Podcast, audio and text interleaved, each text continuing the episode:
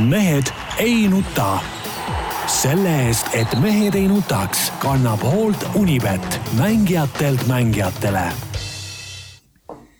tere kõigile, kes meid vaatavad ja kuulavad, ükskõik millisel ajal, ükskõik millisest vidinast, on teisipäev ja tegelikult äh, väga varajane hommik, kaheksa nelikümmend umbes, peame tegema selle saate linti, sellepärast Peebul on kuhugi vaja jälle tormata ja siin stuudios on eriagent Peep. tervist! Äh, Jaan Martinson Delfist, Eesti Päevalehest, igalt poolt mujalt. ja ai, ai, ai, kus kolmas mees on? ja, ja kolmas ja, mees on. rahulolevat näolappi. jaa, kuigi vaadake, kui lai naeratus on Tarmol ees. Äh, tema on siis Delfist ja nagu. ma ei, ma ei ütleks, et Delfist, ma ütleks, et Delfist. no no ütleme, räägime asjade õige nimega. Noh. no laia, la, la, jah, puhkuselt ja, ja kusjuures äh, selge see, et buržui no. selle asemel, et puhata Eestis, meil on väga ilus ilm praegu. turgutada Eesti turismimajandust, eks ole. ei, mees võtab saba selgas, oleks siis üksi, võttis naise ja lapsega kaasa, saba selgas, jumal teab kuhu. jah imperialistide, eh, kapitalistide majandust turgutama, jah, ja, ja kusjuures eile, kui sa, Peep, juhtusid vaatama AK uudiseid, Haanjas tuli juba lumi maha. no vot, eile tuli ka Keides lörtsis korraks maha. ja ei, aga seal oli ilus paks lumi. ma ei näinud seda, ma AK-l olin alles trennis. ja selle asemel, et, et, et Tarmo nüüd läheks ja teeks korraliku suusapuhkuse ei, ei, no kus sa sellega no, no, ta, ta, ta ei taha ju Eesti majandust toetada, noh, näe vaata, noh see on näha. nii, Tarmo, räägi, kus sa oled ja mis sa seal tegelikult teed? ega väga raske on lisada siia midagi, et äh, võtsite kõik sõnad suust, eriti Peep loomulikult. Äh, ja, ja muidugi see jutt lumest natukene, natukene paneb isegi mõtlema, et äh, tõepoolest oleks teadnud, et lumi maha tuleb, võib-olla oleks puhkuseplaanid ümber teinud, aga ma kahtlustan, et see veel nagu suusaliugu väga ei kanna, mis iganes seal maha tuli. no ütleme siin Tallinnas mingi... muidugi ei ole, ei ole sellest mingit aimu, ma ei tea ja ma seda lõiku ei näinud, millest Jaan räägib. ilus paks lumi, tegid lumememmesid ja, lumesõda pidasid ja kõik nii.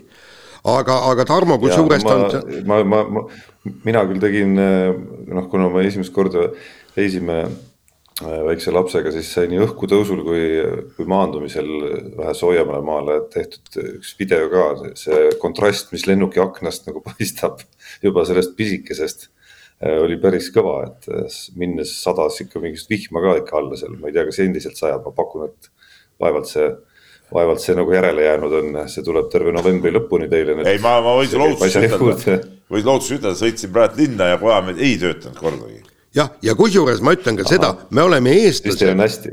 me oleme eestlased, me oleme ugrid ja meile meeldib niisugune. meile meeldib vihm ja sihuke muda, absoluutselt, noh no.. just, just läksin eile õhtu äh, kassile ja korrale süüa panema äh,. libastusin hoovimudal, väga mõnus oli, võtsin kohe siis kodustunnet. jah ja, ja, ja kusjuures Peep, kuhu ta, kuhu ta ronis, rääkis, et tal on kakskümmend seitse, kakskümmend kaheksa kraadi sooja. kusjuures vaadake, vaadake nüüd seda juuresolevat seda, seda pilti kakskümmend seitse kraadi, aga Tarmo muidugi tüüpiline sihuke euronoor, eh, selle asemel, et maika särgis seal istuda praegu eh, ja mingi paks pall on seljas, pluss kakskümmend seitse, tead, näh, näh, ja tal on praegu ka külm kindlasti. No, seljas on mul küll täitsa tavaline T-särk ja seda tehakse. no see tundub, näib, näib nagu siukse paksu, siukse poolkarvase nagu karupüksi pallonina tundub, et meie see sõnaraamat on saanud täiendust siin kohe tänase saate alguses. Sõna pallon näol. pallon, see on ju selge, no kuule, igal, igal meiaja inimesel, noorel inimesel pidi pallon seljas olema, kuidas sa muidu tantsupeole läksid, ikka pallon pidi seljas olema, siis sa olid tegija. ja no mul oli, mul oli suur soov või noh, nagu lootus, et ma saan selle tänase saate teha siit ikkagi nagu, no siin on ajavahe tõttu on siin ikkagi pime hetkel veel. suhteliselt varajane tund, et mul lootus oli, et ma saan ikkagi nagu minna terrassile ja taustaks ikkagi nagu vaatega panna, aga noh, see Peebu võimetus ikkagi seal äh, korvpalliliidus kehtestada ennast ja teha nagu arusaadavalt selgeks, et äh, kui see saade, et kui, et kui meil on saade kell üksteist teadupärast et kui seda, mis ta on meist, meistriliiga nõukogu või ja. selline organ, kes kord kuus käib siis teisipäeviti kell üksteist koos, kui seda aega ära ei muudeta, noh siis, siis Peep lihtsalt lahkub meistriliigast. Ja noh, seda, mis juhtub siis, kui Peep lahkub, seda me oleme siin nii-öelda mini, minimudeli näol näinud juba Eesti korvpallis, eks siis käivituvad kohe protsessid. Yeah.. nii et Peep, olgu viimane kord. ei, no mul meeldibki tulla siin kord nädal natuke varem nii. jah aga..., nii nagu meeldib, nii nagu, nii nagu meeldib eestlasele, kui sa juba rääkisid sellest, et tuleb nautida seda novembrit ja kolm-neli kraadi ja vihma sajab, et et äh, tuleb nautida ka seda nii-öelda kukkumist, eks ole, seda muda siis. ei, ma ei kukku, ma libastusin ainult. ja, ja ei libastusid ja, ja., ja samamoodi noh, käib ikkagi selle nautimise juurde ka see ilge kirumine, eks ole, et noh, see on ka tegelikult nauding, eks ole, teisest otsast. ei, mina ei kiru, mina ütlen mõnus, mõnus, hommikul tõusen üles, palla ülakehaga õue vihma või lörtsi kätte seal, seisan, ammutan seda, seda sügisenergiat endasse ja, ja nii on. väga hea, mul on hea meel teie üle. mul on enda üle ka hea meel. absoluutselt, nii, kuule, aga lähme nüüd spordi juurde, ma arvan, et ma pean siit mobiilist kuskilt neid teemasid lugema, pagan, see läks nüüd küll väga viltu. nii, äh, laupäeval selgus siis Eesti jalgpallimeister Eesti jalgpalli tšempion. tšempion, jah ja..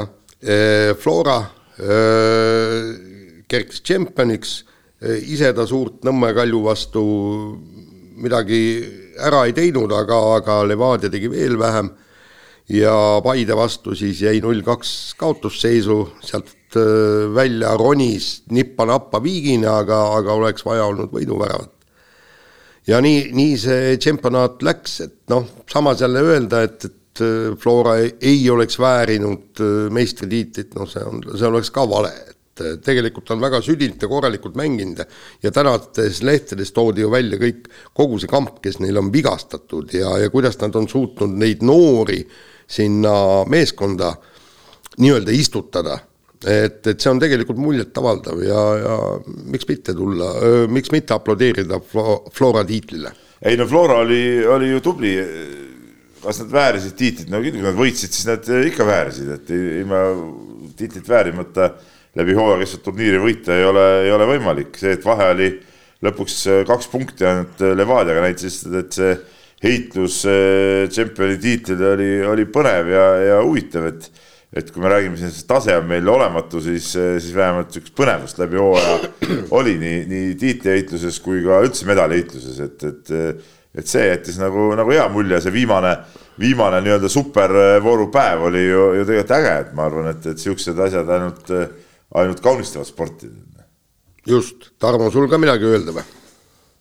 ja kindlasti, et noh, tagantjärele saab igasuguseid äh, liine nagu üles võtta, muuhulgas noh, kahjuks saab endiselt üles võtta ka sellesama eelmise saate liini, mis puudutas seda kohtuniku äpardust, eks ole, et, et lõpuks, lõpuks kaks punkti jäigi vahet ja, ja noh, okei okay,, kuna see lõpp oli selline natuke, ma ei tea, kas dramaatiline, aga noh, läks nagu teravaks kuidagi, siis mõnes mõttes on tore, et see ununes justkui nagu ära, et siin ei ole meistritiitli järgses sellises nagu analüüsis ja eufoorias nagu liiga palju enam hakatud rääkima ka Levadia poolt seda, kuidas meile tehti ära ja nii edasi, nii edasi, nii edasi, on ju et, et põhirõhk on läinud sellele, et kes kuidas siis hakkama sai ja kes kuskil libastus ja sellele, kuidas FC Flora ja see oli nüüd üks päris vägev statistika, ma panin selle saateajaks siia kõrvale endale isegi äh,, mille meil noor reporter Eigo Kaljurand välja tõi ühes esimeses meistritiitli järgses analüüsis, et kuidas Flora on löönud äh, tänavu seitsekümmend neli väravat, millest kakskümmend üks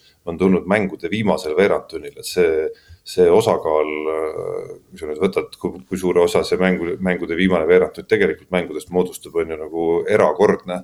pluss pane juurde, et seal on kindlasti mänge, kus mäng on tehtud selleks ajaks juba. ehk siis ei ole vaja võib-olla liiga palju seal enam, enam nii-öelda nagu väravat jahtida isegi. ehk siis nad on võtnud justkui nagu äh, pigistanud endast mõnes mõttes nagu viimase välja ikkagi kõikidest nendest äh, keerulistest äh, nii-öelda koosseisu teemadest hoolimata, mis siin hooaja jooksul on olnud ja keerulistest hetkedest ka, millest siin peatreener Jürgen Henn on rääkinud kuni selleni välja, et, et oli väga lähedal, et üldse tagasi astuda. ja aga just see meie eelmise saatejutt, eks, et, et kuidas Levadiat see kohtunikud selle värava ära võtsid. Selles mõttes juba ei päde, et Flora jättis ju ukse lahti, palun, Levadia, võida ära Paide ja sina oled tšempion et, et ma saaksin aru, et, et tõesti, et viimases voorus ei oleks neile võimalust antud, aga nüüd anti teine võimalus ja ei midagi. no see, no sa oled no, siia muidugi küll... kirjutanud nagu alati jaanilikult on sa kirjutanud, et Levadia tiitlit ei tahtnud, sest mängis Paidega viiki. no järelikult ei tahtnud, lihtne. ausad, et ega need Paided ja, ja Kaljud ja need nüüd ka Tallinna Kalev, eks ole, ja Pärnu isegi, et ega need kõik olid siuksed nagu okeid võistkond, et seal mingit kohustuslikku võitu ei saanud olla, ma arvan, et kui Levadia mängib äh, viimast mängu Paidega, noh siis, äh, siis nii on, nad üldse läbi häda said selle viigi ju kätte seal, seal ju, seal ju olid, olid täitsa kaotamas, et, et. Äh, no aga neil oli võimalus. no võimalus, no võimalus muidugi oli, aga no, no.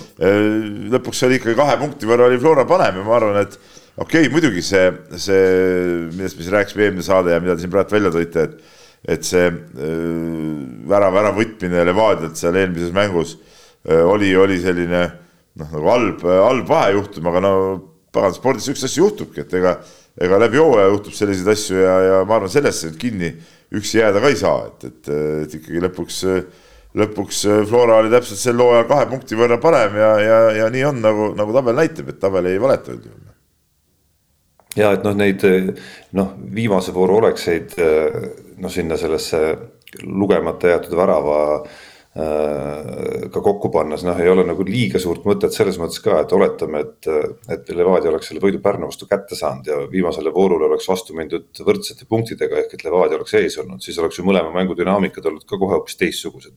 Flora oleks teadnud, et ta peab igal juhul võitma hoopis selle mängu ja Levadia oleks võib-olla nagu ka noh, teades, kuidas selle kahe mängu peale kokku seal asjad on, eks ole, oleks võib-olla natukene nagu teistmoodi noh, vähemalt mingisugune meelestatusega olnud, et noh, see oligi täpselt selline olukord, mis ära unustada ja las ta siis olla. aga no küll aga on äh, no see tiitlivõitlus tiitlivõitluseks, aga mulle endale tegelikult äh, sellest hooajast võib-olla kõige positiivsema mulje jättis hoopis see Tallinna Kalevi äh, pronks. Noh. et sisuliselt meeskond ei kusagilt ehk siis nagu tabeli seni ütleme keskosast allapool olev võistkond tõusis medalile ja tõusis paljuski oma noorte meeste toel, eks ole, vaatasin, kuidas Limpere seal selles pühapäevases spordisaates ka rääkis just seda oma, oma noorte, noorte asja, et plaanitakse nendega edasi ka minna ja see, see on nagu, nagu väga sümpaatne ja väga-väga tore asi. Nagu.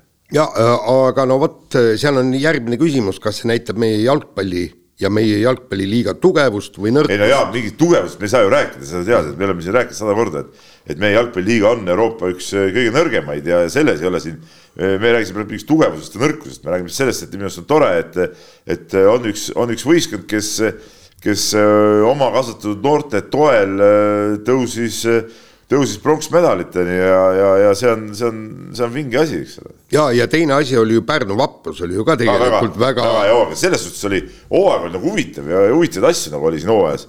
ma, ma ütlen veel kord, see tase tasemeks, tase ei olnud nagu hea, see on, see on nagu ilmselge.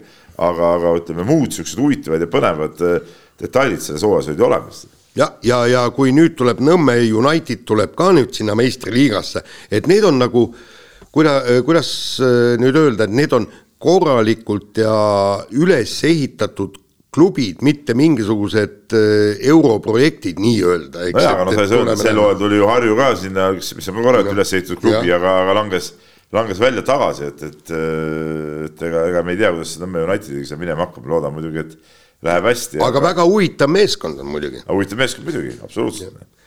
aga, aga vot see. Mõlemad, need on Nad on mõlemad ikkagi, nii Kalev kui Nõmme United on organisatsioonina ikkagi nagu väga huvitavad, huvitavad juhtumid, eks ole, juht, juhtimiseni välja siis, eks, et, et kui Tallinna Kalevi eesotsas on ikkagi nagu sellised noh, Eesti jalgpalli korüfeed nagu Lindberg ja Klaavan, eks, et siis, siis mulle tundub, et see hakkab noh, andma ja see ambitsioon sellistel meestel, kui nad on karjääris sellistel kohtadel käinud, ei saa nagu liiga madal olla ja, ja samm-sammult need teod, mis seal kaasas käivad, on seda, on seda näitamas ja, ja noh, Nõmme United siis teistpidi, kui ikkagi väga arvestatav hulga Eesti andekate noorte kasvulava on nagu väga loogiline koht.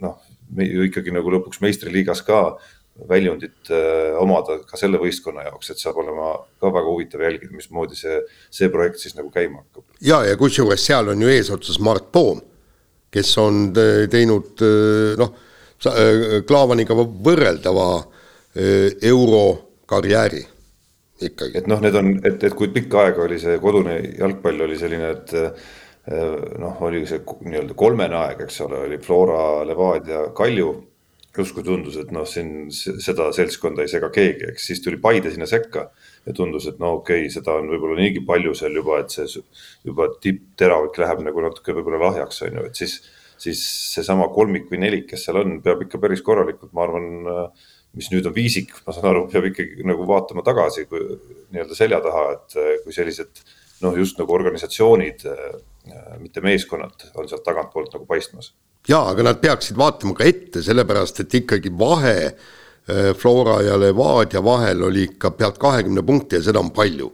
et äh, noh, mul on tunne, et, et mingil hetkel peaks nendel meeskondadel tekkima ka selge ambitsioon võidelda meistritiitli eest, aga, aga no praegu on noh, jutt käib ikkagi ainult pronksist ja neljandast kohast, mis võib-olla annab euroraha. jaa, ei seda muidugi jah ja, aga noh, põnev, põnev igal juhul ja seda veel olukorras, kus Flora ja Levadia ei teinud üldse nagu head hooaega, et vaatad nende punkte, siis Levadia sai sisuliselt, see oli veel üks huvitav fakt meie nendest järelduste lugudest, et sai sisuliselt sama palju punkte kui aasta varem, kui seal hekseldati peatreenereid, keegi ei mäleta enam mitu korda edasi-tagasi. aga samal ajal oldi peaaegu tiitlit võitmas, noh, et see on ideaalne näide, et mõlemad andsid päris palju punkte ära. aga see ongi nagu hea, vaata see, kui kui need äh, tšempionid äh, võtavad hästi palju punkte, no siis see ongi nagu ebahuvitav, et minu arust see, kui kui ka ütleme, esimesed kaks-kolm annavad punkte ära, see näitabki nagu siukest nagu äh, ühtset, äh, ühtset põnevust ja taset, see on, see on selles suhtes on, on väga-väga positiivne minu meelest. no teisalt on see minu arust jällegi negatiivne, ma nii palju lisan, et, et võime Eestis lihtsalt nii-öelda rullida kõigist üle, näitab potentsiaali ka Euroopas hakkama saada edukamalt kui üks, ükski meie klubidest sel aastal. no ja, seda küll Euroopa mõttes küll, aga ütleme, kui me räägime, me tahame, et kodune tsempionaat oleks põnev, siis, siis, siis on ju, ma arvan, igati tervitatav, et, et võistkonnad on seal, on seal võimalikult võrdsed ja, ja, ja ei tea ette, kes, kes, keda võib võita seal, ütleme esimese esimese viie-kuue hulgas. ja see on selge, et, et me nii tugevat klubi, kes hakkaks eurosarjades midagi, midagi tõsist korda no, saama. seda ei tule, et ütleme, see Flora eh, siin eh, sähvatus ja, ja mingi see Levadia sähvatused, et noh, need on, need on siuksed toredad, eh, toredad edulood, aga ütleme, need ei ole mingid süsteemsed edulood, et, et ütleme selle peale ma ka nagu väga-väga ei panustaks, et ma arvan, et, et kahjuks, kahjuks või õnneks ütleme, see Eesti, Eesti jalgpalliliiga, ma arvan, jääb, jääb tükiks ajaks sellisele tasemele, nagu ta nagu ta praegult on. aga ma ei tea, lähme edasi. noh, ja räägi. ma, ma ühe, ühe asja oleks tahtnud öelda veel, minu arust kõige huvitavam asi, kui tulevikku vaadata, on ikkagi seesama Jürgen Henni teema. et ilmselt me sinna liiga sisse nüüd praegu ei jõua minna. on kümmekond aastat seal olnud, tundub ikkagi nagu noh, sisuliselt vabaks jätab, ma usun, et Flora tahaks kindlasti, et ta jätkaks, aga, aga see tähistab ikkagi mingit uut ajastut ka ka selles tiitliheitluses ja, ja FC Flora jaoks, kus saab olema huvitav jälgida nii seda, mis Flora teeb järgmise sammuna ja kui ka seda, et kas äh, me jõuame siin vahemängus vist korraks jalgpallikoondise juurde ka, aga et kas äkki ajastused klapivad täpselt niimoodi, et võiks siin, äh, võiks hakata rääkima Jürgen Hennist kui järgmisest koondise peatreenerist. ja miks ka mitte, ma arvan, et Eesti mees koondise eesotsas oleks igal juhul, igal juhul tervitatav. Aga läheme nüüd teise koondise juurde, Eesti EP-vehklemis naiskond, nais, naistekoondis, ükspuha kuidas seda nimetada, on siis eh, Pariisi olümpiarongid pudenemas ja, ja, ja üheks selleks põhjuseks noh, kahtlemata on see, et, et naised ei ole, ei ole võib-olla piisavalt hästi vehelnud, aga teine, teine detail on ka see, et, eh, et ei ole nagu sihukest ühtsust enam, enam koondises üldse kuskilt eh, nurgast paistmas ja Kaido Kaaberma siis äh, on, on siin kõvasti tülli pööranud koondise liidri Katrina Lehise ja, ja tema treener Nikolai Novosjoloviga ja, ja ei võtnud Lehist siis viimane kord äh, koondise põhjendusega, et äh, Lehis treenis koondisest eraldi teises treeningulaagris ja, ja ja, ja et siis nagu ei, ei väärinud äh, kohta koondises, kuigi individuaalturniiril Lehis oli ainus Eesti vehklejas, kes, kes normaalse tulemuse tegi ja, ja, ja, ja täitsa tippu välja jõudis ja, ja ma ütlen, ütlen kohe ära, et minu arust tegemist on on täieliku lollusega, et, et, et see on nagu, see on nagu ütleme, tegutsetakse selle nimel nagu sisuliselt, et, et ei saakski olümpiale naiskond. jaa, aga vot siin, siin me kõik vaatame seda viimast turniiri, kui Kaido Kaaberma ei võtnud lehist. Aga me unustame ära. ei, aga Oota... ei, me räägimegi viimasest turniirist. oli näha, et ma ei tea, mis kell see läks lukku, millal sai parandusi teha, aga Kaaberma äh, kogenud treenerina pidi ju kohe ära nägema nii kvalifikatsioonis kui seal esimestes ringides, et lehis on hea. ei oleks pidanud nägema, mis ta roll üldse on seal siis, mis ta roll seal üldse on siis? ei, stopp, oled sa selles kindel, et, et lehis oli hea? ei olnud hea või?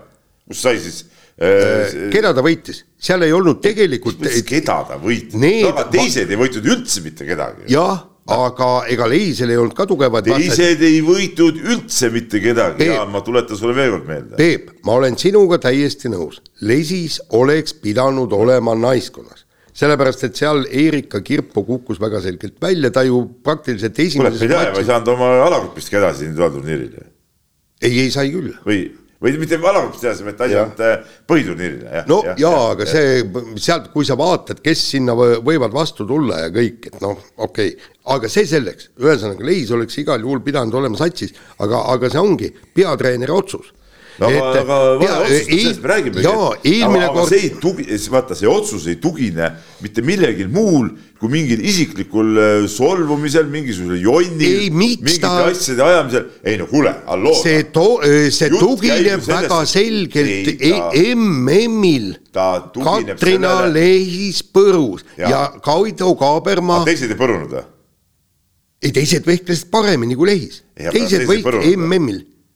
ei no Katrina Lehis ise tunnistas, et ta oli MM-il keskja. seda vastu keegi ei vaidlegi ju, aga see oli MM-il, see oli ju, ju kuid tagasi, mis sellest läheb räägime. jaa, aga, aga sina oled peatreener ja sa pead valima ja, ja selge see, et, et. aga ta valis ju selle järgi, et Lehis ei käinud äh, laagris, ta on seda ütelnud see ja on. ja ta ütles sinu selles artiklis, ütles selgelt välja, et ta ei võta lehist äh, ka siis äh, Äh, järgmine kord, kui ta laagrisse ei tule. aga tema on peatreener ja tema no, otsustab. no jaa, aga meil on õigus ka peatreenerit kritiseerida. ei, ei absoluutselt no. ja, ja me kritiseerime ka peatreenerit selle eest, et ta MM-il pani lehise no see, ja see, see on nagu juba vana lugu, no sellest me oleme rääkinud ka, me räägime ikka praegust olukorrast, kus kus iga turniir tähendab nagu juuksekarva otsas rippumist, nagu tegelikult olümpias. no absoluutselt ja, ja saab nüüd näha, mis, mis toimub, aga, aga selge see, et, et Kaido Kaaberma peab parima satsi panema, eh, vehklema ja ma arvan ja ma loodan igati, et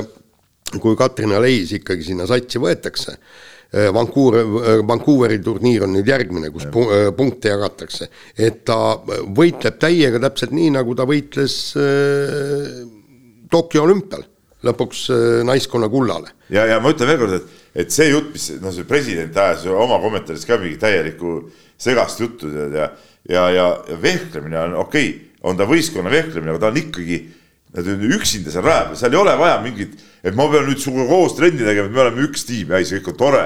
et me oleme siin, toetame üksteist ja, ja no nagunii tuleb üksteist ergutada ja toetada, see on loogiline. aga rajal sa eh, selles võistkonna võistluses oled ikka sama hea kui individuaalturniiril, sa oled üks-ühele selle vastasega, kõik, kedagi teist sul seal ümber ei ole ju. ja kusjuures eraldi veel, eriti veel et treenib ju individuaaltreener, aga mitte koondise peatreener. selles suhtes on täielik, täielik jamps noh täielik jamps. aga mis selle presidendi nii-öelda arvamusloo juurde veel, et, et see on ääretult asjatundmatu, kui ta tõi esiteks välja, eks, et tuues esile Irina Emrichit, et kuidas ta kaks tuhat kolmteist Euroopa meistriks tuli, et kui palju võitis matše. esiteks, kaks tuhat kolmteist ei olnud neljakümne kolme aastane Emrich, vaid äh, oli kolmekümne kolme aastane ehk siis parimas vormis Emrich ja teine asi president võiks seda teada, et kogu Eesti naiskonna nii-öelda taktika oligi selle peale ehitatud, et Irina Emrich viimases matšis ja, ehk siis, et seal tooks selle võidu kätte. pidi hoidma ära nii-öelda tead. just. ja tema pidi vormistama. jah, ja, ja kusjuures seal oleks võinud ju tuua veel selle legendaarse matši, ma ei mäleta, see oli kas pool, see oli poolfinaal ja ma ei mäleta, kas ta oli MK-etapil või oli tiitlivõistlustel kui Torkeid tegigi poolfinaalis ainult Emrich, ehk siis esimeses matšis ta tegi ühe-kaks torget ja kõik ülejäänud vehklesid nulli, toonaste reeglitega sai ja, seda teha ja, ja lõpuks äh, torkas äh, Embrich vastase läbi. aga see oligi taktika, nii võidetigi. aga praegu ei ole Emrik punkt üks enam endine ja punkt kaks, reeglid ei lase rajal lihtsalt seista, seista. ja, ja täpselt. nii, Tarmo no,. mis sa, Tarmo, seal soojal maal arvad? Te olete nii hoos, et ma lihtsalt kuulan ja, ja mõtlen selle peale, et need lood, mis ma olen kõik läbi töötanud, on ikkagi, kui see, kui see kõik ei oleks nagu kurb, et siis see oleks naljakas tegelikult, mis, mis seal nagu, mis seal nagu kirjutatud ja öeldud on selles teemas, et alates sellest äh, alaliidu presidendi artiklist, et sa rääkisid siin, kuidas asjaolud on, äh, olid Irina Embrichi puhul nagu teistmoodi ja nii edasi, noh, tegelikult äh, selle tragikoomilisus selles, et see seik või see lõik oli seal loos sees, seisnes selles, et minu arust see ei puutunud nagu üldse antud juhul nagu asja. ei puutunud jah. nagu ei puut-, nii nagu ei puutunud asja ka see, et kuidas teaternelikud äh, peavad harjutama äh, et noh, et me näeme, kui teaternelikud koos ei harjuta, et kuidas siis teatepulgad nagu kaotsi lähevad, aga, aga noh, seal see nüanss ongi ju selles, et, et tuleb seda konkreetset äh, teatepulga üleandmist, eks ole, siis nagu harjutada. et see nagu tehniline koostöö niivõrd, mitte ikkagi nagu mingisugune tiimivaimu ehitamine, mis on ka kindlasti oluline, ma ei taha öelda, et ei ole oluline. et, et noh, see oli ikkagi nagu väga, väga jabur lugu ja jaburad argumendid, mis seal olid siis nagu äh, visatud letti selleks, et näidata, et, et Kaido Kaaberma on teinud loomulikult kõik õiged otsu-, kõik õiged otsused on ju ja, ja miks. ja miks seda üldse vaja oli, seda artiklit jääb ka nagu segaseks, et, et alaliidu juhtkond peaks põhimõtteliselt ju hindama olukorda, mitte olema nii-öelda nagu nui neljaks emal-kummal nii-öelda nagu poolel viskumas, ilma et oleks võib-olla asjaoludki kõik nagu nii-öelda nagu läbi töötatud ja, ja selgunud, mis sealt saab, et huvitav, et keegi ei ole nagu kasvõi alaliidu poole pealt vaadanud seda asja nagu niimoodi, et, et eh, minnes nüüd ikkagi vanaisa meenutamise juurde, et, et eh, peatreeneri vastutus, noh, on ju lõpuks saavutada võimalikult parim tulemus. ma arvan, et Eesti-suguses riigis, isegi kui meil on vehklejaid jalaga segada justkui, noh, käib selle juurde ka see, et kõik nii-öelda tasemelt sobivad vehklejad tahaksid vehelda koondises ja nüüd tuleme selle vana asja juurde, kui, kui siis äh, Katrina Lehisel, kui ta viimane kord koondises oli, läks halvasti, otsustas peatreener, see oli peatreeneri otsus, äh, võtta ikkagi tema ja siis tema treener väga isiklikult ikkagi ja isiklikul moel meedia vahendusel ette, eks ole. tõsi, võistkonnaaladel me näeme ka, on treenereid, kes äh, kes teevad seda vahel, noh, Ergin Ataman korvpallist on teada, talle meeldib oma staarmängijaid isegi nagu nii-öelda nagu välja kutsuda natukene, et öelda, et näed, siin Shane Larkin on siin meil kehv praegu ja me ikka tahame temast rohkem kätte saada, eks ole. Äh, ja, ja tundub, et see paljudel juhtudel kuidagi nagu töötab ka isegi seal no,. antud juhul tundus kohe alguses, teades, et suhted on nagu nii suhteliselt nagu keerulised, et see nüüd valab õli lihtsalt tulle ainult ja üks, mida ma ei ole nüüd aru saanud, on see, kas Kaido Kaabermaa vahepealse aja jooksul on siis nagu teinud mingigi ürituse nagu seda, seda suhet nagu ära ka klattida, kuhu ta ise nagu õli tulle valas. pigem on jäänud teie lugudest mulje, et vist ei ole.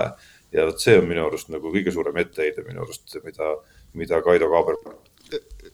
sest see klatti, klattimise kohustus on kindlasti Kaabermaal, tema on peatreener, tema peab vaatama, et see tiim saaks kokku tugeval, kõige tugevamal moel nii palju, kui mina tean, Põhjamaade meistrivõistlused, seal oli ka naiskonnavõistlus, seal kutsus Kaido Kaabermaa Katrina Lehise koondisse, Katrina Lehis viisakalt ütles, et ta ei tule.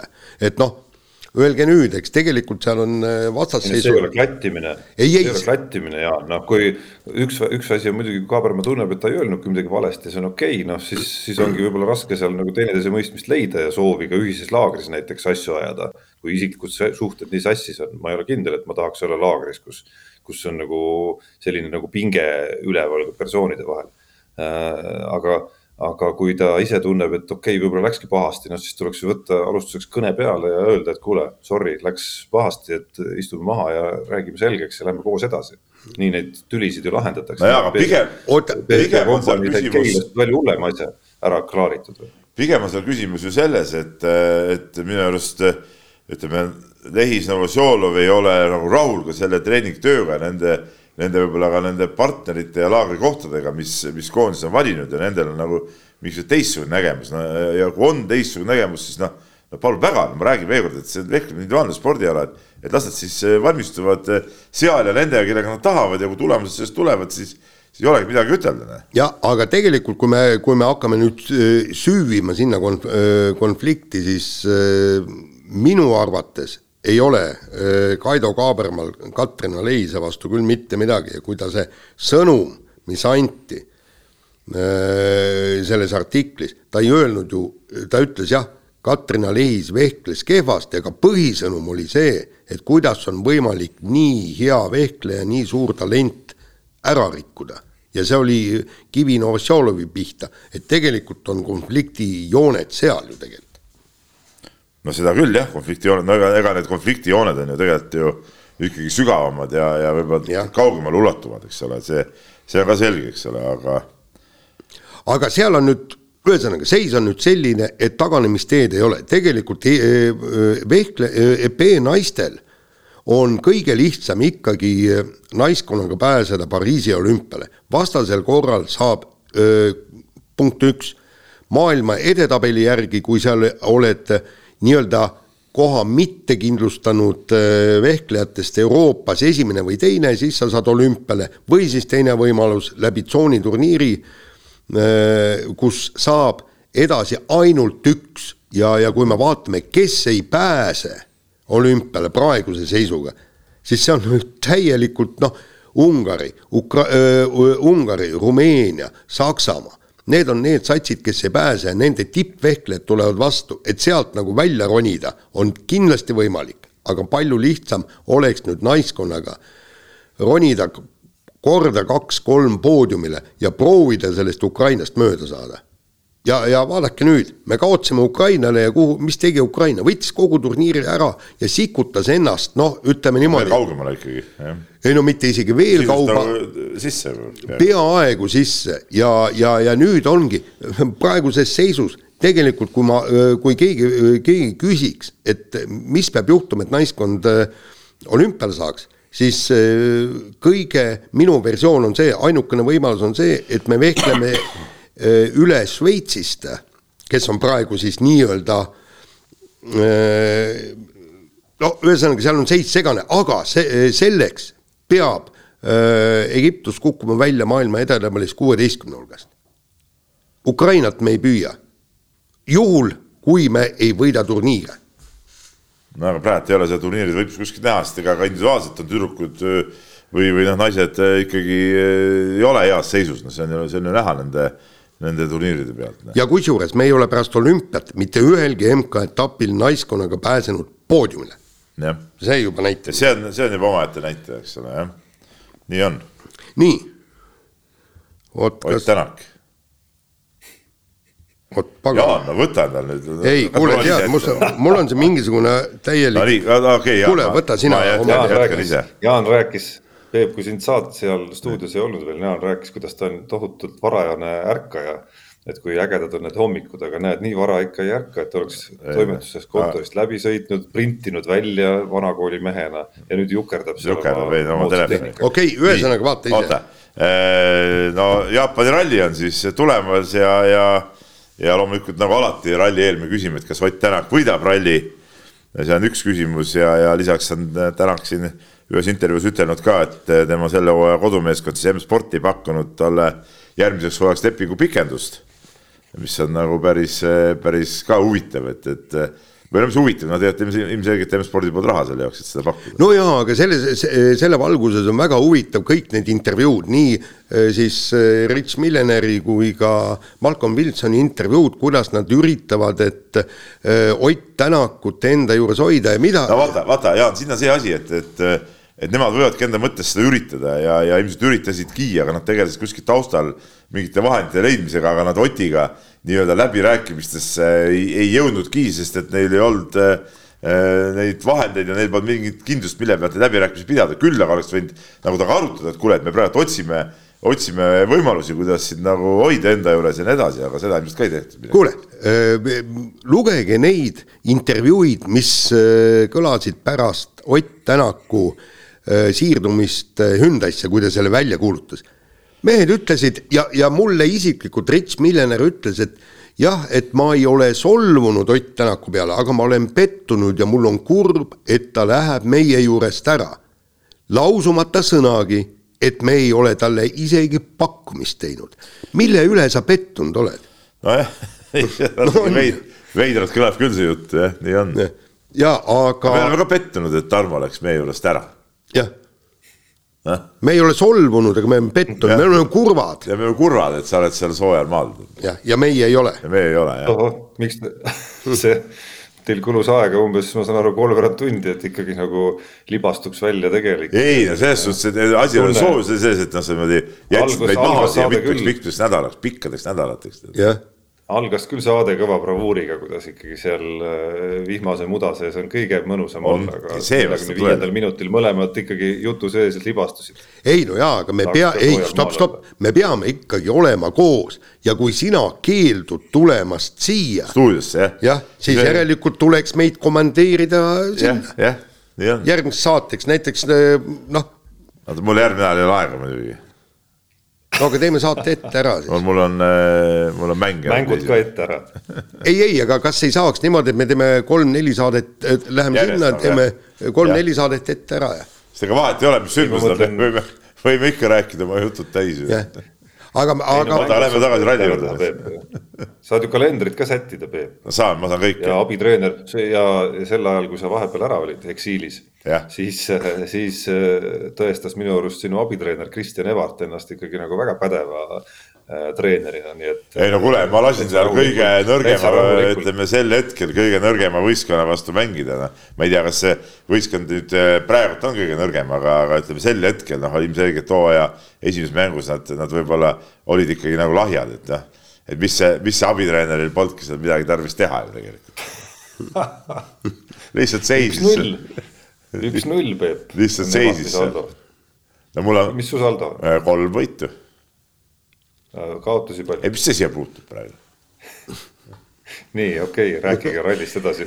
ja ega tegelikult ju ralliga on ju see, et, et tšemp on selge, meeskondlik tšemp on selge, noh, seal huvi ei paku, aga tegelikult pakub, mis huvi on just see, et äh, Toyota lepingud ja veel tähtsam on Hyundai lepingud ja tänases siis äh, näed, hommikul vara ärkasin, lugesin lehed kõik kenasti läbi ja siis äh,. Peep, sul on väga raske Peep, sul on väga raske öö olnud, ma vaatan ikkagi seal sombuses, sombusel Eestimaal. no mul tuli haigustusi peale, jah mm. et, et seal oli siis, tähendab Hyundai puhul äh, öeldi kindlalt välja, eks, et äh, no nagu nad kogu aeg noh, me aimame, aga öeldi kindlalt välja, et üks on selge. et kolm autot, kaks, kaks Neuvill ja Tänak sõidavad siis täishooaja ja siis kahes autos on siis nii-öelda ikkagi, ma minu arust ikka jääd nagu segaseks, see, see lappi asi nagu. ei, aga, aga nüüd see ongi see, mida me ootame. ei, ma saan aru, aga, aga, aga mis, mis lepingust see lappi siin mingi kuu aega tagasi juba rääkis, millega ta väga rahul on? ei, ma ei tea, ma ei tea. mäletad seda uudist? jaa tähendab, rallis ei olegi, tähendab see, mis seal Jaapanis toimub, kes võidab, kes ja, ei võida, see ei huvita kedagi.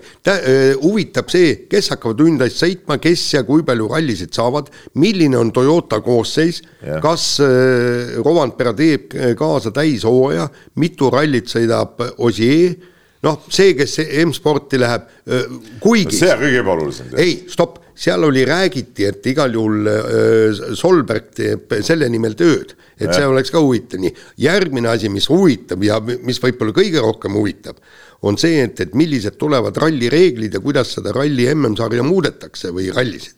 ja sealt siis tilkus üks uudis välja, et, et enam äh, need Rally2 autod eh, enam eh, punkte ei saa punktikatsed ja mis on tegelikult ka õige. et, et selles mõttes kolm-neli esimest, kes seal sõidavad, nendel on tingimused oluliselt paremad kui nendel, kes siis sõidavad pärast WRC autosid, aga. aga no see on täitsa ebaoluline, ütleme laias eh, laias pildis.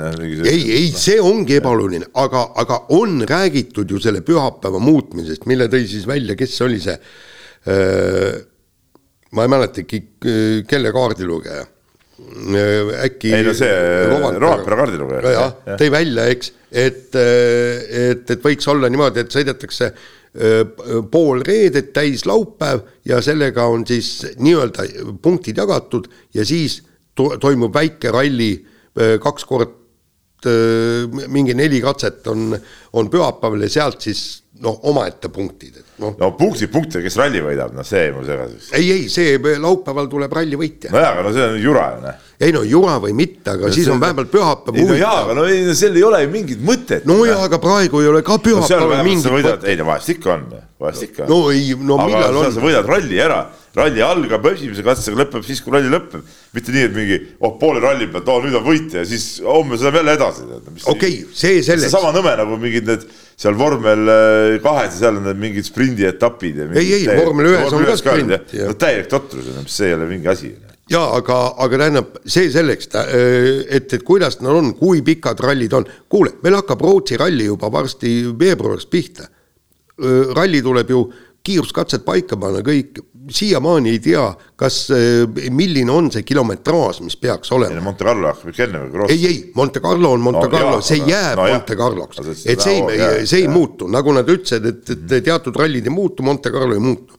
aga, aga siin ongi, et, et ja, ja siis nad venitavad kuskil, ma ei tea, poolde ma ei tea, detsembrisse või millal, ühel, ühesõnaga, see on just need on huvitavad asjad, mida ma ootaks Jaapani rallis. absoluutselt, nii on nii, aga ma lähen siis edasi, kuna Jaan ja. ei saa oma telefoniga hakkama, siis, äh, siis ma võtan siin ohjad üle ja, ja äh, Aleksandr Kovjar on siis Kalev Cramost lahkumas, teeb äh, viimase euromängu ära ja, ja laseb, laseb jalga Hispaania meistriliigasse, mis on, on päris korralik hüpe ja, ja kõva samm, aga, aga siin Eesti korvpalli maastikul on siin teisi huvitavaid liikumisi ka veel, Kristjan Kitsing siis, kes lõpetas Kaleviga hiljuti lepingu liitub Tartuga ja, ja eilsest on siis uudis, et, et Siim-Markus Post eh, lõpuks esiliigast kolib, kolib Pärnusse, mis, mis teeb, mis on ka päris huvitav käik ja, ja muudab neid jõuvahekordi siin päris palju, et, et et huvitavad asjad, et minu arust kõige suurem küsimus on see, et kuidas Kalev Cramo nüüd selle Kovljari augu lapib muidugi, et kas, kas keegi liigub kuskilt mujalt meeskonnast siis Kalev Cramosse näiteks Pärnust, Haart?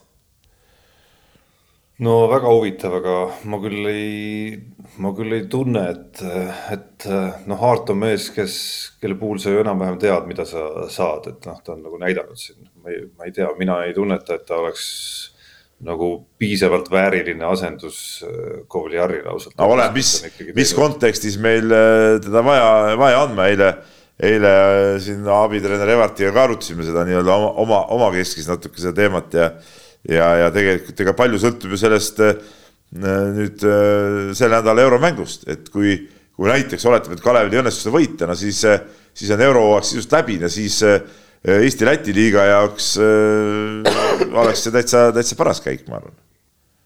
Noh, Eesti meistritiitel, nagu näha, on aina rohkem hinda minemas, kui, kui Tartu ka ei maga ja ikkagi nägi võimalust ja kitsingu endale võttis, et äh, noh, me oleme rääkinud eelmistes saadetes, kuidas Kalev Cramo mäng on liiga Kovliari keskne ja, ja mitte nagu halvas mõttes Kovliari suhtes, vaid selles mõttes, et lihtsalt neil on nagu teine palliga ringi käia puudu, et noh, nüüd, kui on minemas ka see, see nagu ainus vedur seal taga, siis, siis noh, tegelikult tegelikult vajaks Kalev isegi ma ütleks kohaliku liiga, no okei okay,, võib-olla kohalikus mitte, aga, aga eurosarjas kindlasti kohalikus Eesti-Läti liigas nagu väga kõrge koha, esikoha ambitsioonide täitmiseks ka seal isegi nagu veel ühte palliga ringi käijat, aga no okei okay,, me peame vaatama rahakotti ja ma saan aru, et, et seal kindlasti asjad nagu lihtsad ei ole. kindlasti äärmiselt keeruline leida Kovliari-sugusele mehele, noh, kui ta on nagu nii ägedat mängu näidanud leida nagu samasugust asendajat ja seda kahes mõttes. esiteks ta mängib üle oma nii-öelda nagu selle palgataseme ilmselgelt praegu.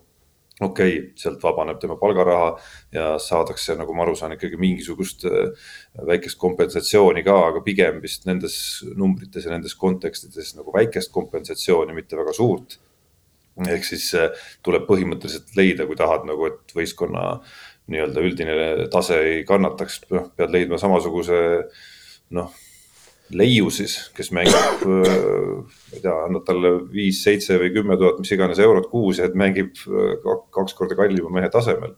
aga noh, selliseid otsib siis Euroopas, pakun mingisugune mitusada klubi põhimõtteliselt nonstop, on ju.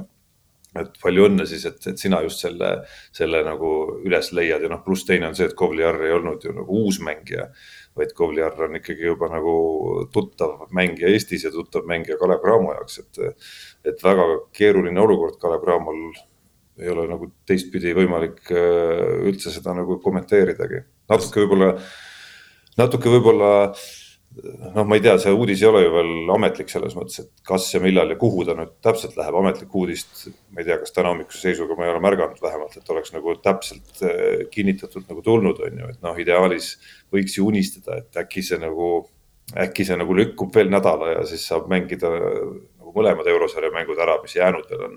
Ja siis oleks natukene nagu aega vähemalt. No jah, mõlemad, no ma räägin, et pärast tänast mängu või oota, täna, homme mängivad, täna homme. mul on temaga juba sassis no,. homme peaks. homme jah, et äh, pärast seda ma räägin, et kui, kui nüüd nagu, ma küll loodan, et Kalevil läheb hästi, aga kui ei peaks hästi minema ja ka Prindise võit võõrsil ei ole mingisugune, mingi kindel asi ju noh.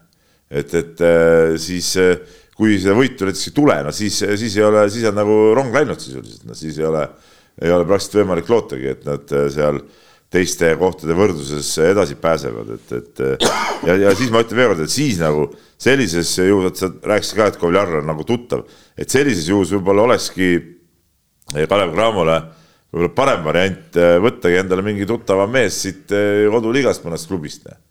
et, et see oleks ju täitsa, täitsa eh, loogiline samm, et milleks, milleks seal hakata, hakata siis veel riskima kellegi toomisega, sest et noh, ütleme ütleme selge see, et kulla heituse võistkond on nad äh, igal juhul praegu, et, et ja, ja kui nad, kui nad saavad siit mõnelt äh,, siin on teine küsimus ka, et mõnda konkurenti natuke nõrgestada, eks ole, selle, kui nad ära võtavad. aga. Veebol on oma huvimängus, Veebol on oma huvimängus, ma vaatan, kõrvad paistavad sealt kuskilt need nukid, kuskilt sealt, et saaks ja. Pärnust, saaks Pärnust ühe, ühe mehe vähemaks ikkagi nagu ei, aga tegelikult vaata, mul on küsimus, et, et kuivõrd aus ja kuidas see, kuidas see on, et sa võtad sealt poole, poole hooaja pealt. see on ju, see on ju klubide ja mänedžeride vahelised kokkulepped ja, ja puhas äritehing ju noh. kuule, aga kui teilt võetakse mõni, mõni ära, kes no, on see Kasevat no, no, oled no, õnnelik no, ja. mis õnnelik, noh. no mis õnnelik. no saab õnnelik, ju aga... heasse klubisse no,, poiss. jah, aga, aga, aga küsimus on ka ju rahasummas, eks ole, noh, et, et see on ikkagi selles suhtes tegemist on ju ikkagi noh, tavalise, tavalise tehinguga, mis seal maastikul toimub. ja noh, ma ei räägi siin, no üks variant võiks ju olla ka ju tegelikult ju äh, suurorg TalTechist, miks ka mitte, eks ole, aga no seal on, seal tuleb ju veel see Hispaania Badalona tuleb ka veel mängu, eks ole, et, et et kas ja, ja kuidas nad huvitatud äh, ta läheb ja ma arvan, ma arvan, et kui, kui Kalev Cramo näiteks edasi ei saa praegult eurosarjast, no siis ei ole Badalonal mingit vahet, kas ta mängib äh, TalTechis või, või Kalev Cramos, et siis seda käiku teha nagu ei oleks nagu mingit äh, mõtet.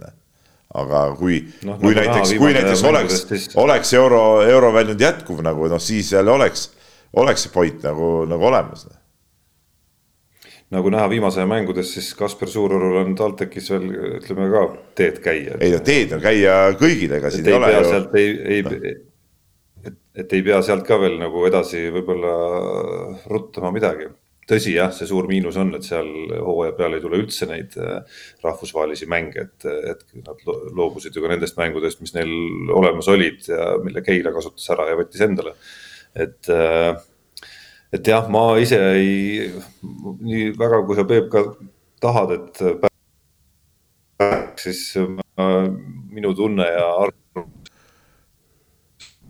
üritab nagu suuremat kala püüda sealt sellest kuskilt äh, sogasest äh, mängijate turu veest, mis, mis siin maailmas on selle hinnataseme juures, mida nad enam-vähem endale lubada saavad aga no kui me vaatame siin nüüd, nüüd teisi klubisid, Kalev Cramos, Kalev Cramoks, ega see ei ole see huvitav asi, no see Kitsingu Tartusse minek. oota, ma korra, ma ühe lause, ühe lause lisan veel. lihtsalt äh, ma olen seda korra saate ajaloos öelnud, aga, aga see Kovliari tähelend ikkagi, midagi ei ole öelda, et äh, tuleb Heiko Rannule siis minu arust müts maha võtta, kes kes nii-öelda noh, meenutame, kuidas see Kovliar tuli üldse Eestisse, eks ole, et sõda oli siin, mängis oma rolli selles, et, et ta üldse nii-öelda nagu leiaks Tartus maandumispaiga ja kui Heiko Rannula Kalev Cramos tuli nüüd, sa võid parandada, aga minu arust oli Kovliar üks esimesi värbamisi seal. nii et midagi pidi temas olema silma jäänud. Äh, samu, samuti tuleb kiita veel Kalev Cramot ja noh, see on nüüd kahe otsaga asi, aga mõnes mõttes ikkagi, kuidas ta mänginud on ja see, et et, et kui ta nüüd läheb, siis ikkagi mingi kompensatsiooniga noh, selle eest, et äh, juba kevadel enne hooaja lõppu tehti temaga uus leping ära, eks. mingigi lootus oli teda natuke aega enda juures hoida ka tänavusel hooajal, et, et selles mõttes hästi tehtud sealselt staabilt. no Kalev Cramo, Kalev Cramoks, et siin eelkõige tuleb kiita ikkagi Tartut, et nad selle mehe võtsid ja tegelikult juba ta Tartu eest tegi häid mänge hästi, hästi noore mehena, et ta oli ikkagi sisuliselt poisike, kui ta, kui ta sinna Tartu meeskonda maandus ja, ja, ja, ja tegelikult tema siukse äh, Eesti jaoks avastamise äh, au ikkagi jääb, jääb äh, Tartule, et, et see, see selleks, aga aga jah, Kitsigu Tartusse liitumine on ka niisugune suhteliselt huvitav käik, et seal on ka nüüd, ma saan aru, ambitsiooni, noh, Anar Tats oli välja ütelda, et et tahavad äh, tiitli eest võidelda ja, ja, ja Kitsingu liitumine peab, äh, peab sellele nagu mingisuguse uue, uue hoo andma, et äh, noh, olgem ausad, Kitsingu võib-olla hooaja algus seal Kalev Cramos ei olnud väga, väga särav, et, et nüüd ongi huvitav, et ta käis siin, ma saan aru, kuskil puhkusereisil soojal maal nagu sina, Tarmo, eks ole. ja, ja nüüd tuleb ja liitub, liitub treeningutega, minu andmetel ta homme, meil on homme mäng Tartuga. Et homme meie vastu veel ei mängi, aga nädala lõpupoole vist, vist juba, juba astub platsile, et, et seda on huvitav vaadata, kuidas seal Tartus äh, äh, kohaneb. absoluutselt. Ja ma arvan, et ta kindlasti tugevdab äh, Kalev Cramot, et või vabandust, Tartut, et, et seal noh, tegemist on ikkagi meie liiga, kui me räägime siin nüüd kohalikust, ka Eesti-Läti liigast mängijaga, kes suudab ka vajadusel seal viie peal mingeid minuteid mängida. mis tähendab, et et noh, seal sinna tekib nagu hoopis uut dünaamikat minu arust Tartu eesliini poole peale, noh pluss see, et ta veel vastaste pikad kõik välja toob sealt äh, rünnaku poole peal, et äh, et ma arvan, et see muudab Tartut kindlasti ebamugavamaks vastaseks, et, et on mänge, kus nende praegust põhipikka ju noh, mingites oludes on võib-olla isegi keeruline kasutada. noh, jääb nagu liiga suureks, ütleme siis niimoodi kohmakaks, eks, et, et see, ma arvan, on üsna sobilik sobilik äh, tüpaaž. sõltumata sellest, et noh, rääkimata veel sellest, et tegemist on koondislase ja vana tartlasega ja nii edasi ja nii edasi, et. et täitsa nagu hea täiendus tundub mulle.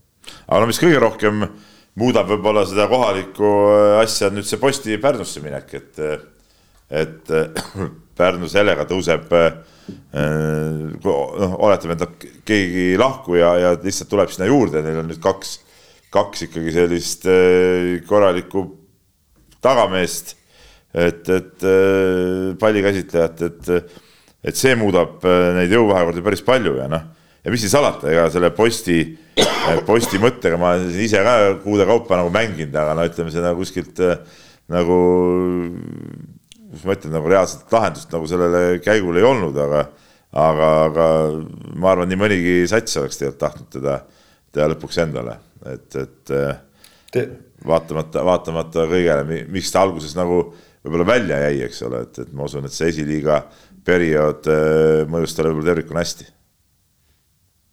no tead sa nüüd ka siis, et ma saan aru, siin on kõik korvpallisaated on hekseldanud seda mitu nädalat äh, hooaja alguse puhul, et et äh, küsimus oli ju selles, et post küsis mingit hinda ja, ja klubid ei olnud sellist valmis maksma tema eest, et kus siis lõpuks murre, läbimurre nagu toimus, et kas äh, üks alandas ja teine tõstis või? ma ei tea, soovitan sulle, soovitan sul äh, härra Kärbile helistada ja küsida. no ma mõtlesin, et sa tead juba. ei, ma paari tunni pärast äh, näen Johni, eks ma, eks ma siis küsin, ma ei hakanud eile eile mingit ekstra telefonikõnet sellepärast äh, küll tegema. nii, aga lähme edasi ja, ja oli siis laupäeval suur lahkumismäng, Anett Kontaveit äh, kuue tuhande fänni ees jättis siis tippspordiga ja tipptennisega hüvasti ja mina seda mängu kahjuks või seda üritust ei näinud, mul oli omal omal äh, muud tegemised, aga ma ei tea, kui te nägite, siis oskate äkki mingeid emotsioone sealt edasi anda? no emotsioone võin anda, see, see publik oligi just see, mis selle õhtu suureks tegi, et, et tõesti, saal oli täis ja hõisati ja aplausiga saadeti ta kõik ära.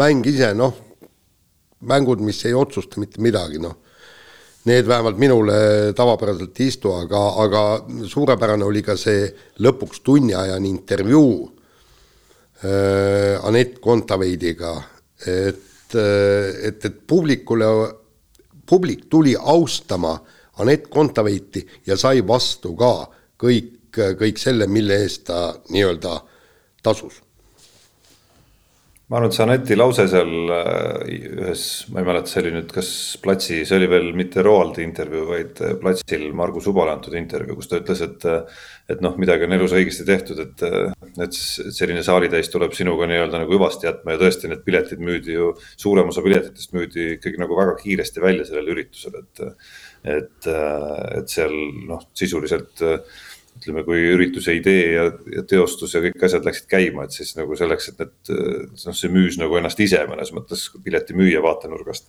et noh, see, see, et noh, see näitab, et elus on midagi nagu õigesti tehtud, oligi väga tabav äh, nii-öelda nagu kokkuvõte sellele äh, üritusele. ja, aga tegelikult äh, jäi ju hinge tegelikult kurbus, et Anett Kontaveit nii veel noorelt ka tennisest lahkus, et äh, me, me juba tunneme temast puudus, puudust ja, ja üha rohkem tunneme.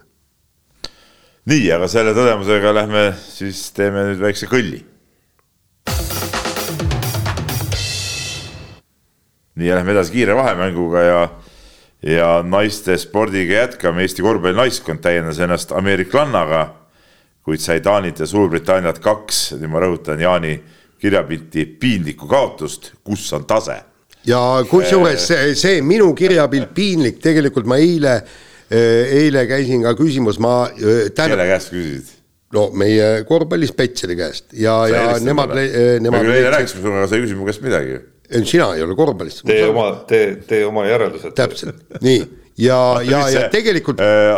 Ats ja Heigo või jah, ja, ja, ja kusjuures nagu mulle väideti, et Taanit mindi võitma.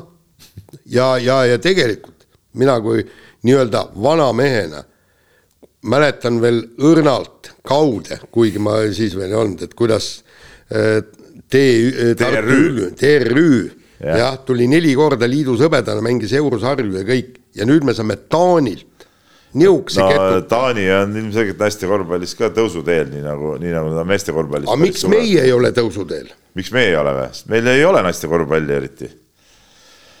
kahjuks või, või õnneks, et, ei no õnneks kindlasti mitte, pigem, pigem ikka kahjuks, et, et eks siin no koondis üldse on ju tegelikult päris palju muutunud, et, et need vanemad kodus mängivad mängijad on, on koondise ringist lahkunud äh, on, on päris palju siis nende noorte peale mindud üle, keda siis toetavad veel, veel kaks-kolm vanemad ja kogenud mängijad, kes, kes igapäevaselt mängivad välismaal ja noh, nüüd tõesti võeti, võeti juurde siis eh, Eesti, kaudselt Eesti juurtega ameeriklanna, kes kindlasti annab väga palju juurde, aga kes ei ole kindlasti ka mingisugune samas mingi imemängija, kes, kes nüüd tassiks seda võistkonda seljas, ei tea, ei tea kuhu, et, et sest see seis on selline ja, ja ma ütlen Taani koondis, mis kunagi osales küll mingite väikeriikide EM-il ja, ja sai seal vist isegi tšempioniks. siin naiskonnas mängis äh, mõned aastad tagasi üks, üks Eestisse kolinud äh, naine, kes, kes seal Taani koondises on mänginud äh, tolleaegses, aga ütleme, see praegune Taani koondis on ikkagi hoopis, hoopis teine asi ja ma sain aru, et seal ikkagi paljud mängijad mängivad ka, kes Hispaanias ja kes mujal Euroopas tugevates liigades, et et meil ütleme sellist äh, sellist taset praegu vastu panna lihtsalt, äh, lihtsalt ei ole ja, ja, ja kui sa vaatad seda koondist ka, ma käisin, ma nägin seda Suurbritanniaga mängu esimest äh, poolteist äh, veerand aega sain ära vaadata, siis ma pidin oma meeste trenni minema, et, et seal ikkagi Eesti koondises jooksid ka platsile ju mõned ikkagi väga-väga noored tüdrukud, kes igapäevaselt mängivadki siin, siin ähm, kohalikus liigas, eks ole, et, et noh selle pealt nüüd loota, et, et me saame mingeid, mingeid võite nende tugevate naiskondade üle, noh, on ilmselgelt äh, kohatu, et, et nüüd seda naiste korvpalli asja on siin päris palju aetud, see on päris palju jutuks olnud äh, nii korvpalliringkondade sees kui, kui natuke on siin välja ka jõud, jõudnud need jutud, et mina isiklikult arvan, et ega, ega enne meil asjad ei parane, punkt üks, eks ole, on see mängijate arv, aga, aga punkt kaks, enne ei parane see asi, kui kui meil on ikkagi üks tugev klubi ka kodus, kes, kes mängib siis eh, sedasama, kas siis Balti sarja või, või kasvõi mingit eurosarja ja, ja, ja, ja kuniks meil sellist satsi pole, siis seniks ei ole ka lootust minu arust, et, et meil koondis väga kõrgel tasemel tõuseb. et me nägime siin ju viimastes mängudes nüüd eelmises aknas Eh, kui meil oli veel see klubi, noh, see ei mänginud eurosarja, aga mängis ikkagi siin Baltikumiseks. et selle baasil ikkagi oli võimalik mängida selliste vastastega, kellele nüüd suurelt kaotati, noh, ikkagi nagu heal päeval enam võrdselt, eks. et, et nüüd me siis nägime, mis juhtub, kui, kui tullakse, kui suurem osa naiskonda tuleb noh, selliselt no ikkagi nagu väga amatöörtasemelt, ütleme siis nii. no väga amatöörtasemelt, sest et no ma ise näen ju, eh, meie, meie klubil on eh, naiskond ka ja, ja ja ma nüüd jõudumööda olen seal aidanud ka ja ma näen ju seda tegelikult seda naisteliiga taset, et et noh, tore on, et seal on, seal on vist oli üheksa klubi ja ja, ja, ja naised mängivad, aga ütleme, selge see, et nendele noortele, siis olid see TalTechi tüdrukud, kes nüüd on siis Tallinna äh, Akadeemia all mängivad, et nende jaoks see liiga on ilmselgelt ikkagi, ikkagi väga lahja, et, et nemad peaksid saama äh, häid mänge, kõrgemal tasemel mänge ja, ja, ja, ja noh, siin ikkagi okei okay,, see hooaeg nüüd läks väga kiireks, eh, kuidas see TalTechi loobumine tuli, tuli ikkagi suhteliselt eh, hilja ja siin väga suuri samme ei jõutud enam astuda, aga järgmiseks hooajaks ikkagi mina leian küll, et tuleks eh, Audentese ja, ja siis sellesama spordiakadeemia baasil kas kuidagi kokku, kokku pannes mingi tugevam võistkond, kes, kes siis teeb kaks korda päevas korralikult trenni ja ja, ja, ja võib-olla noh, ma ei tea, mõni, mõni tugevam leekond on neile sinna kõrvale isegi tuua, et, et ja, ja niisugune naiskond panna ikkagi Balti liigasse eh, tagasi mängima, et, et see on, see on ikkagi hädavajalik. nii, aga lähme edasi jalgpallikoondisega, jalgpallikoondis mängib siis EM-valiksarjas oma viimased mängud Austria ja Rootsiga ja ja siin taas eh, Jaani, Jaani Soperdist eh, näen siin ekraani peal, kas tulevad võidud või peab peatreener Häverli pakkima kotid no ma ei tea, kust need võidud järsku peaksid tulema hakkama, sellest ei no seal on kaks võimalust, tähendab, kui tulevad võidud, siis ei ole põhjust häberlit äh, lahti lasta, ma arvan, või vähemalt on mingisugune argument teda jätta, aga kui me saame jälle null viis, null viis, noh, no ma ei usu, et äh, häberli siis äh, isegi julgeks, tahaks ja jätkata. no, no, no jaa, ei näe ka mingit põhjust jätkata, noh, tal, et Tarmo siin ju ennem pakkus välja, et kas kas Eesti mees on, on tulemas äkki, äkki sellesse rolli ja, ja miks ka mitte, ma leian. ja ma kirjutaks ka kahe käega alla sellele, aga noh, selge, et kui võidud tulevad, siis muidugi muudab selle otsustamise keerulisemaks. iseasi, kas muidugi alaliidu eh, eesotsas siis ütleme nii, mõeldakse ka niimoodi, et, et, tore oleks nüüd Jürgen Henn sinna panna. jah, ja tegelikult need võidud, kui me mängime Rootsil ei ole kuhugi enam jõuda, Austrial Austria on ka juba EM-finaalturniiril, nii et, et ausalt öeldes, kui me nüüd need võidud võtame, siis ega nendega ei ole suurt midagi pihta hakata, ei meil ega kellelgi. nojah, aga ütleme, ega, ega ükski võistkond ikkagi valiksarjas ju meelega kehvalt mängima. ei, ei meelega jaa, aga ke, kelle nad sinna satsi panevad ja kellega nad välja tulevad ja kõik, et, et milline on motivatsioon, no seda vaatame nii, aga jalgpall. natukene, natukene, natukene mul on see tunne, et, et noh, siin on nagu soovmõtlemist ka, et, et kui ma ütlen, et ega me ei tea ju, mida jalgpalliliidu eesotsas ja noh, eelkõige, eelkõige siis Aivar Pohlaku isikus mõeldakse sellest tulevikuplaanist ja Häberliga edasi minemisest, et. et võib-olla on siin nagu soovmõtlemist ka natukene viia kokku otsi, kus Jürgen Henn noh, näib lähedal Florast lahkumisele ja võiks nagu vabaks saada ja, ja siis noh nii-öelda me tajume ja oleme kajastanud kõvasti seda survet, mis on siis häberli peal, on ju, et, et noh, me ei näe mingisugust arengut ja, ja see pilt, mis viimasel ajal koondises on, ei, ei rõõmusta ühtegi fänni põhimõtteliselt. koondis on vilet kuulnud ja kõike, kõike, kõike on ju, aga ma ei tea, võib-olla tegelikult otsustaja või otsustajate ringis ei nähtagi, et, et midagi muutma peaks. nii, aga läheme jalgpalliga edasi ja FC Flora värske siis järjekordne Eesti tšempion, äh, klubi president äh, Pelle Pohlak astus Isamaa erakonda ja, ja, ja jälle Jaani näpukesed on siia kirjutanud, et kas Florast saab isamaaline meeskond. ei, selle kirjutas Tarmo. ah, Tarmo hoopis või? ära jama, ei kirjutanud, Jaan aa, mina või? ikka, ikka okay.. no minul oleks hea meel, kui Florast saaks isamaaline meeskond, sest et äh, ei ole varjanud, et Isamaa on minu silmis sümpaatne, sümpaatne erakond ja, ja, ja minu arust väga tore, et, et härra Pohlak sinna parteisse nii-öelda maandus, nüüd on vennad siis ütleme erinevates parteides, päris huvitav. ja päris siuksed säravad kujud ka. ja aga teisalt. oota, kas vana, ma segan vahele, kas, kas vana Pohlak oli vanasti sots või mäletan ma õigesti või? mulle nagu tundub kuskilt, et ta oleks olnud või kandideeris ta kuskil sotside nimekirjas kohalikel valimistel või midagi. ei, aga nagu ta on ju kuskil, kuskil volikogus ju. ja minu arust ta Kose volikogus käis äh,. selleks ei pea, selleks ei pea parteis tingimata. selleks ei pea, seal võib olla ka, aga, aga mul nagu mingi sotside seos nagu kuskilt kummitab äh,, kummitab kuklast, ma saan, Tarmol on kiired näpud, et ta võib-olla leiab üles, aga võib-olla võib-olla ei leia ka.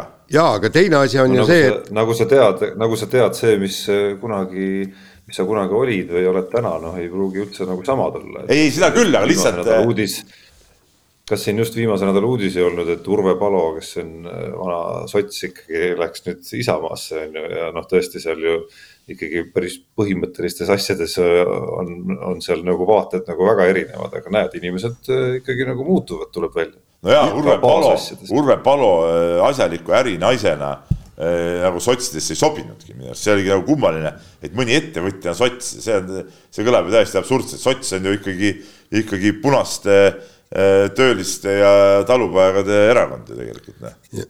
Aga mis ma nüüd äh, sinna Pelle Pohlakusse asi puutub, on see, et, et pragmaatiline otsus, sa vaata, kuidas Isamaa tõuseb õnneks.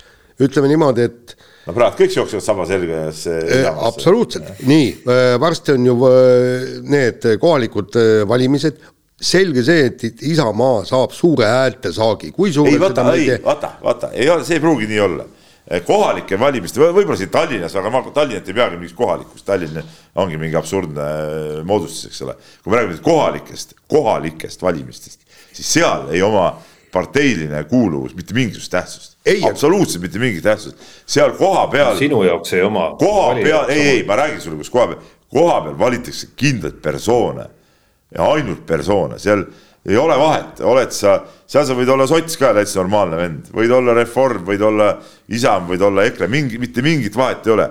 kui sa oled seal normaalne inimene kohalike silmis oled, äh, oled teinud mingeid häid asju, siis sind ka valitakse ja, ja see nimekiri ei puutu seal absoluutselt asjasse. Ja mina võin ütelda, mina olen kohalikel valimistel hääletanud täiesti äh, niimoodi, kuidas ma ütlen äh,, mitte, mitte poliitikast lähtudes kogu aeg. No see... aga noh, siin on vahe kindlasti. Tallinna, Tallinna ja ütleme siis väiksemate valdade vahel on kindlasti nagu erisus olemas. no Tallinna ja päris Eesti, ma ütlen niimoodi, selle vahel no on päris või ei ole, aga noh, selles mõttes antud juhul see erisus on olemas. no erisus on no,. massivahe põhimõte, no, nagu massivahe põhimõte. aga see, mis Tallinnas toimub, see meid ju väga ei huvita, meid huvitab see, mis meie oma koduvaldades toimub. sina oled muidugi oma koduvalla reetnud, Tarmo, seda ma tean, aga noh, aga, aga noh, uues sa oled ka jälle, sa oled ka jälle nagu väljunud oma koduvalla piiridest, ma ei saa aru, kuidas sa üldse saad lubada endale seda. aga siia sõitmist? Tallinnas praegu äh., stuudio, pardon äh,. tulingi, eh, tulingi seda Tallinna infrat nii-öelda nagu eh, rikkuma ja hävitama. kulutama. kulutama, jah. naastrehvid. ei, mul ei ole veel, ma ei ole veel rehve vahetanud vara veel. et aga ma tean, et sa oled ikkagi naastu usku, eks ole, okei, sa elad äh, maal ka ja seal on, seal on need vähe vajalikumad kui linnas sõites, aga et sa nagu mõnuga tuled ja lihtsalt. nagu. foori taga lasen kraapsu, lasen kraapsu, nii et asfalttükid ja, ja naelad koos lendavad. kõik see, kõik, kõik see uus asfalt, mis, äh, uhke uus asfalt, mis pandi meile sinna Jõe ja Pronksi tänavale, et saaks seda üles kaapida. jah ja, ja siis lased CO2 ka, eks, et äh, siduge alla ja siis gaas põhk ja üü, et mõnusalt tossu tuleks. selle oled maha võtnud. ma arvan, et äh, ei, mitte ma arvan. mul ei ole sidurit. ai, kurat, vaesekene noh. sul. no neutraali peal, neutraali peal saad ju gaasi panna, ei saa kindlasti, sul on see stopp ja go süsteem minu teada on ka sinu autol olemas. no ja ikka kõigil autodel. soe, siis ta siis ta sureb välja, eks ole, hoiab kokku, aga Peep, ma arvan, on välja lülitanud Tallinnas vähemalt. õige, see nupp on see jah, et, et, et äh, saaks käia kogu aeg, tossu, tossu lasta. siis ma hoian pöörded ka natuke üleval. ja, hoian pöörded üleval igaks juhuks ja Loomulik... siis imestad, miks kütusearved, miks kütusearved suured on olen ma rääkinud midagi sellest ei ole, aga ma olen kindel, et sa tegelikult sisimas tankides mõtled selle peale. ei no, no jaa, aga. kes, kes ei mõtleks, kui ta tangimas neid numbreid vaatab seal. ei no jaa, aga no. kui saaks Tallinnat kahjustada, siis pole rahast kahju. siis ei ole rahast kahju.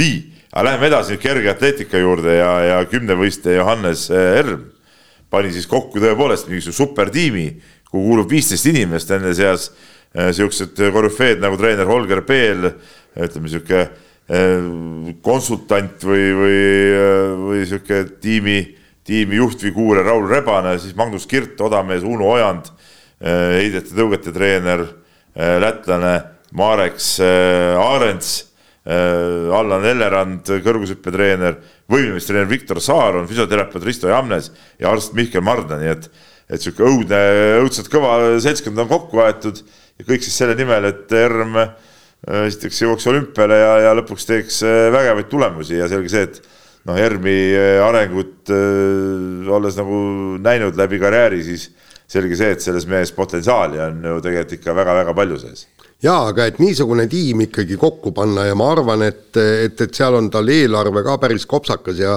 kui vaatasite, ta sai ju sponsorauto, see oli ikka päris, päris uhke auto, ma ei mäletagi, mis asi, mis auto see oli. see oli Lexus. oli no,, oli Lexus, Tarmo, sa mäletad paremini?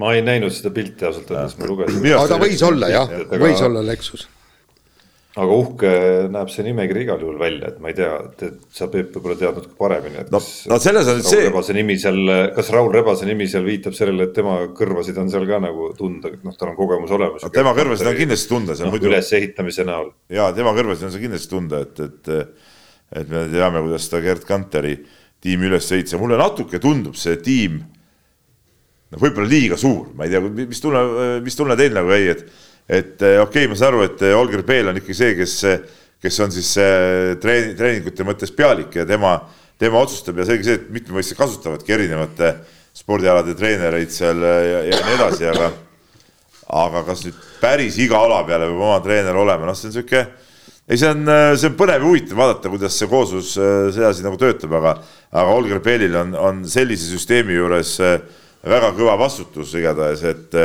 et seda koos nagu hoida, et, et, et seda nii-öelda tervikpilti vaadata, et ei ole nii, et üks treener hakkab mingit oma asja ajama ja, ja teine oma asja ja siis need, need treeningud ja, ja, ja koormused seal kuidagi põrkuvad, et, et vaid, et see kõike nagu tasakaalus hoida, et selles suhtes jah, Holger Peel on kogenud mees muidugi, et, et ma usun, et ta või loodan, et ta saab hakkama jaa, aga teine asi ongi see, et, et noh, tegelikult no sina võiksid oma tiimi nimekirja ka Mihkel Margna panna. sellepärast, et sul Mihkel on. aitab ka minu, minu mänge. no just ja. täpselt, siin on ikkagi see, et, et tegelikult noh, sinna tiimi nimekirja pandi, ma arvan, et ükstapuha, kes meie teistest kümnevõistlejatest, kui nad kõik oma abilised ka sinna nimekirja, tiimi nimekirja panna, siis see suur. käib aeg-ajalt ka Ameerikas ju Michael Uibat aitamas, eks no, et, et ja, ja, ja selge see, et noh, siin noh, nad teevadki paljudega koostööd, et aga no eks see jah.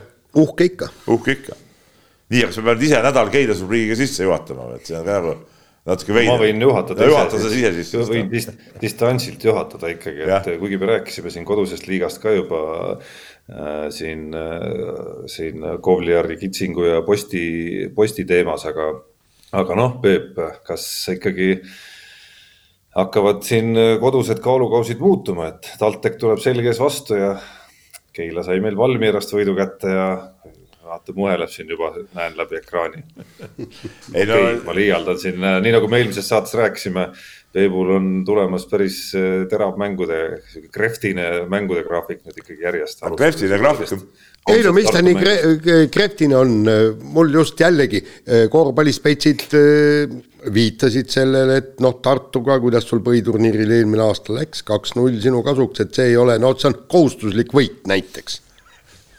jah, no see nii palju siis meie korvpallispetsidest, eks ole, Tarmo aga, aga ei, no kaks viimast mängu on õnnestunud võita jah, et, et LU kodus kui Valmiera väljas, et, et eks see eks see sihuke eesmärk oli kahest kaks selles seerias ära teha, et see nüüd eh, kergelt ei tulnud muidugi ja, ja seda, et LU ei ole mingi naljasats, seda nad on ka järgmistes mängudes tõestanud, eks ole, kui nad TalTechi Tallinnas võitsid ja, ja tegelikult ka Riia VEF-iga tegid päris eh, korraliku partii ja mängisid, mängisid võrdselt ja, ja mind ausalt öeldes no tegelikult mind paneb nagu imestama see LU asi küll, et, et siin äh, kuulasin eile ka, ka ühte korvpalli podcast'i ja seal, seal oli see ka jutuks, et noh, no tegelikult tõesti ikkagi me täiesti suvalised vennad on, ütleme see põhi, põhikoosseis läks kõik muudesse klubidesse laiali sealt, on uued täiesti suvalised vennad peale võetud ja no pagan mängivad ju, noh, midagi pole ütelda, mängivad, no võitlevad iga olukorra eest.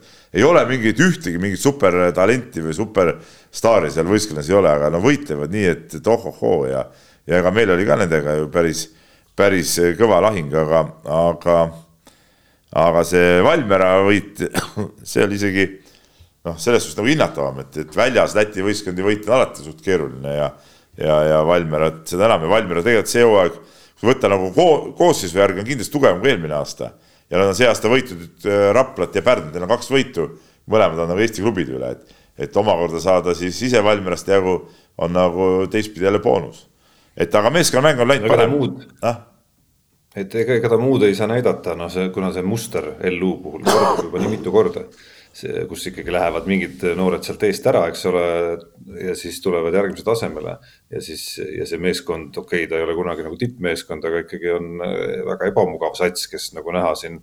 mis see TalTech, ütleme tabeli järgi sel hetkel vähemalt oli kolmas äkki Eesti klubi või Kalev Cramo ja Tartu järel et, äh, et suutis selle ära hammustada, et noh, see ei saa muud näidata kui seda, et, et see Läti korvpalli sügavus lihtsalt on, äh, on kõvem kui, kui meie oma. no on, on sügav muidugi, muidugi, muidugi. aga mis ma tahtsin nagu Keila kohta ütelda või oma meeskonna kohta, et tead, mäng on äh, läinud või kuidagi ütleme natuke see kõver on läinud üles, et, et, et et kaitse on läinud paremaks ja, ja võib-olla ka mängus ka trennis on näha, et ütleme, see sihuke sihuke hoog ja, ja särts on, on nagu sees ja, ja eilse trenni põhjal võib ütelda, et see on, et see on nagu säilinud ja noh, homme, homme on näha, kuidas Tartuga välja tuleb, et kindlasti meil tuleb jah, tõsine seeria, Tartu, Valme äh,, Ventspils, siis tuleb vahepeal Valmieraga Euroopa liiga mäng ja siis äh, VEF, et et kui me võtame nüüd Eesti-Läti liigas, siis, siis Tartu, Ventspils ja VEF kolm niisugust äh, mängu järjest, et noh, sealt on midagi tarvis kindlasti kätte saada, et seda null, null kolme sihukest seeriat ei tohi sealt küll tulla, kui räägime siin play-off'i jõudmisest. nii on. no nii, Jaan, selle jätame meelde praegu. no ei, absoluutselt. et kui see seeria läbi on, siis, siis tuleme tagasi selle jutu juurde. ja no Valmieras, me oleme, sõidame Valmierasse tagasi tuleva teisipäev ja, ja siis mängime seda Euroopa liiga mängu, et noh, tegelikult oleks tarvis ka selles sarjas võiduarve avada, et kas te bussi olete korda teinud vahepeal, ma nägin mingit bussil, videot sotsiaalmeedias. bussil oli mingi, mingi äh, omapärane, mingi anomaalia oli, et äh, me olime siis tagasi teel Valmieras, tegime Pärnus tanklas nii-öelda WC peatuse ja, ja, ja buss jättis seisma ennast ja istub bussi tagasi, keerab äh, süütevõtit, mitte midagi ei juhtu, mitte midagi ei juhtu. Noh. mõtlesin, mis kuradi jama, et mis aasta aega tagasi starterit vahetatud ja kõik peaks nagu korras olema ja. ja siis mõtlesime, et okei okay,, no et mis siin ikka, lükkame käima ja lükkasime käima jõudsime siis äh, seal Keilasse ja siis igaks juhuks bussist ütles, et noh, tal on üks äh, tuttav töökoda seal Sauel, et, et davai, et kuule, viime bussi Sauele ära, et, et ei hakka siin Keilas seisma jääma, sõitsime Sauele, jättis seisma, pani kümme korda rahulikult järjest võtmest käima, suretas välja, võtmest käima, suretas välja. oligi, oligi kogu muusika, et, et vaata, mõnikord on mingi sihuke, sihuke asi, et, et, et see starteri hambumus jääb nagu äh, ebamugavasse asendisse. ja vanasti sai seda sättida sedasi, et Eh, näiteks kass viiekümne kolmel, et sa käigukangiga nagu ragistasid natuke, ta, ta lükkas selle, need O-rattad ja asjad seal, seal eh, paika, aga sellel bussil on, on mingi elektrooniline see käigusüsteem, et ma ei tea, seda, see vist niimoodi ei aidanud. mis sa naerad seal? see oli kõva, kõva lõik praegu. starteri hammasratastest ei no aga huvitav ju, saad ka teada. kas sul ei ole kunagi, kas sul veneaegsete autodega sõites ei juhtunud sihukest asja või? Ma ei ole kunagi veneaegsete autodega sõitnud no.. kuule, aga eh, kas sellel bussil ei ole seda, eh, kuidas see oli, see käib? vänta, vänta, jah. ei, ma ei tea, see bussimootor on vist liiga suur selle jaoks, et seda vändata, ma arvan. no ei tea, kui veoauto. kusjuures eh, seal mõned mehed pärast video pealt avastasid, mõned mehed ei lükkanudki, eks ole, samal ajal kui mina seal. ütleme, ma oleks võinud üksi kese käima joosta nagu..., aga noh aga ütleme, paar, mis meil oli seal viie-kuue-seitsme mehega jooksime seal käima nagu naksti tead noh tänapäeva klassika ikkagi, et äh, pooled filmivad seda. seda ma nägin küll, et, et, et enda, enda, et enda näpud ilusti puhtaks jääks ikkagi. ja, aga noh, ütleme jah, sihuke väike vahepala oli, oli, oli tore. jaa, aga sul on sats nii kõva, kui ta poleks käima läinud, siis ma arvan, et need vennad oleksid rahulikult keilisse välja lükanud. ega peab puksiiri tellima, loomulikult. Ants oligi Peebu peen selline, noh, Peep on selline ikkagi noh, peen, erinevalt Kaido Kaabermast, selline peen, peen meeskonna keemia looja, et noh, tegelikult sellel bussil ei olnud häda midagi, noh, starter toimib nagu kellavärk yeah.. kui seal on starter üldse, mis iganes asjaga ta seal tööle läheb. et lihtsalt ta nii-öelda ütles bussijuhile, kuule, teeme väikse asja ja siis ta sai, meeskonna sai nagu ühist asja korra nagu ajama ja noh, need, kes seal filmisid sel ajal ja jõude istusid seal käed taskus, noh, eks nendega olid omad jutud. no need said karistada loomulikult, jah, Kasemets oli nende hulgas. et ütlesid need eh, kakskümmend kaks punkti, mis sa viskasid, tühistatud ei lähe arvesse. Läheb treeneri arvele, jah? jah, võtame statistikast maha nii, ja nüüd vist laseme siis kella või kõlli jälle Unibetis saab tasuta vaadata aastas enam kui viiekümne tuhande mängu otseülekannet. seda isegi mobiilis ja tahvelarvutis. Unibet, mängijatelt mängijatele. nii ja Unibetis räägid sa nüüd ise, eks ole, Tarmo? no mis siin rääkida, kuulan esmalt, kuidas no, teie edulood on olnud. minuga nüüd selline, selline lugu, et äh, kuna me salvestame seda mängu liiga vara, siis ei ole Tšehhi see liiga ajalt pihta hakanud veel tead hommikul. ja ma ei saanudki täna panna, noh. et, et äh, nüüd äh, eile, eile ei võinud teha seda või? eile ma ei võinud seda teha, eile ei saanud teha, selles mõttes nii. ma ei saa ju oma mustrit, oma mustrit nagu muuta, mul on siin kindlate meeste peale harjunud, harjunud panema ja no mis teha, äh, jääb, jääb järgmiseks korraks no,. mul on kolmsada viiskümmend neli eurot. kell, kell peaks olema nii kaugel juba varsti, et, et ma arvan, et mängud. ma praegu vaatangi siin, aga, aga, aga ei. no meistriliiga nõukogus sa saad istuda seal ja ilusti klikkida seal. no ma pärast vaatan ja, ja ei no mingi väike pingpongi asi tuleb ikka teha noh, no min, minul on see viga, eks, et, et mul on asendusarvuti, noh, sellel arvutil klahvid kukuvad ära ja no loomulikult ma ei sama, saa. see sama, täpselt sama, sama HP arvuti no,, mis see, see on maailma kõige kehvem arvuti, tead näe Äh, ma tean juba mitut inimest, minu enda arv-, mina ise kaasa arvatud, kelle arvuti küljes see klahvid ära kukkunud, ma ei tea, mis see, mis tati, tehases tatiga pannakse sinna külge. no ilmselt küll, jah. sul ei ole, sina, Tarmo, oled Maci mees, sul ei ole seda. aga need HP-d, mis siin, mis siin on jagatud, see on äh, Madisel, millest tulid kohe küljest ära. et see on mingi täielik nali, tead. Noh. ja, ja, ja kuna mul on paroolid jäid ju kõik sinna, on ju, eks äh, teise arvutisse, siis ma ei saanud sisse, et aga mis sa raputad pead? selline häda, hädapätakas. ei, mis ei ole, lihtsalt. ei, ei, no kuule, need klahvid tuleb tõesti kõigile ära, mine küsi toimetuse peale. ei no kui raske on siis meeles hoida seda salasõna? meeles hoida? kus sa meeles hoiad neid? lihtsalt, siin on sul midagi. sul kõik salasõnad on meeles või? mingi organ, seal on erinevad variandid, proovid läbi. siis. no ma kasutan ka nagu erinevaid. lõpuks ei, ja aga... siis ja lõpuks, kui lõpuks, kui ei tule meelde, siis on alati võimalik tellida sealt äh, salasõna nagu uuendamine ja väga lihtsalt saad sisse. ja aga, aga seal ju minu meelest Unibet ju pani ise salasõna ja see salasõna jääb ja see oli väga. ei keeruline. ole sul mitte midagi, mul on täiesti oma salasõna, nii et see. no jaa, me ei ole nii kõvad kui sina, Tarmo, meil ei ole oma, meil on Jaani kahe peale üks. jah ja kahe peale olete ära unustanud selle ka. no Jaan ei küsinud mu käest ja no mina, mina erinevalt teist olin kohusetundlik ja siis, äh, mis ta oli, reisieelne, ärasõidueelne õhtu, pühapäeva õhtu vaatasin, et Hispaania liigas on kolm mängu veel õhtul pidamata ja siis tegin sellise lihtsalt hästi kohustusliku rivi, kus panin kolme euroliiga satsi peale, kellest muidugi Real oleks peaaegu päris meeldival kombel kaotanud selle mängu Bilbaole. lõpuks kolmega võitis. mille Kristjan, ja mille Kristjan Kullamäe seal lõpus tegi just, kui ta umbes miinus kaheksa või kümne pealt aitas meeskonna neljaga ette korra ja siis Barcelona, Valencia olid seal ka, nii et noh, kümne korra, kümnekonna euro võrra äh, kasvatasin oma, oma kontot siis sellega. kirjad. nii, kirjad ja küsib meil teadlane Priidik äh, sellist asja, milline on viimase viiekümne aasta kõige olulisem sündmus Eesti spordis, millest avalikkus midagi ei tea või pole osanud tähelepanu pöörata? päris huvitav küsimus muidugi Siin... ei no, no näiteks. aga näit... peenelt üritab. nii. ei, ei, ma tahan öelda seda, et. tahtsin öelda väga peenelt, väga peenelt üritab, et me mingi saladuse välja lobiseks yeah.. ei, ei, küsimus ei ole sa saladusega, näiteks ma ütlen, et, täiesti konkreetne niisugune asi oli, oli mäletad ta, Tammiste Taltsi kuulus tennisematš. kõik teavad seda? ei, toona ju ei teadnud mitte ühte reklaami ega mitte ja, midagi. publikut oli nagu murdu ju. just, aga see oligi, anti edasi lihtsalt noh teisel, kuule, niisugune äge asi ja kõik, ja lõpuks oli siis ajaleht Sirp ja Vasar eh, kirjutas sellest matšist eh, reportaaži ja pani oma taga ja kusjuures spordileht ei julenud seda panna, sellepärast et noh, et see oli poliitiline, kui Tammiste tulid, et eh, paberkotis oma see lumelabidas no, ja seal jah, Adidas oli peale kirjutatud, niisugune show käis, et see, see oli näiteks, tegelikult ega pool Eestit ei teadnud kõssugi sellest mängust või, või rohkem kui pool Eestit?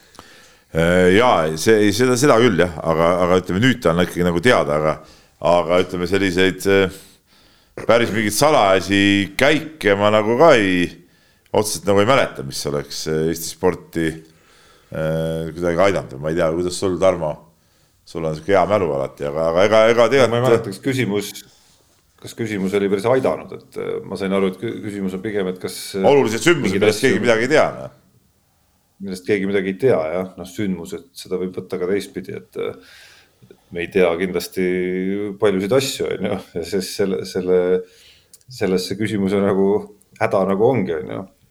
et, et mina saan küsimuse mõttest nii aru, et mis asjad on nii-öelda jäänud nagu noh, tegelikult natuke teatakse, vähemalt mõni ajakirjanik äh, ja mingi, mingi ring inimesi, aga ei ole seda ikkagi mingitel põhjustel nagu ära kirjutatud, kas siis õigel ajahetkel või siis, või siis kunagi hiljem, eks noh.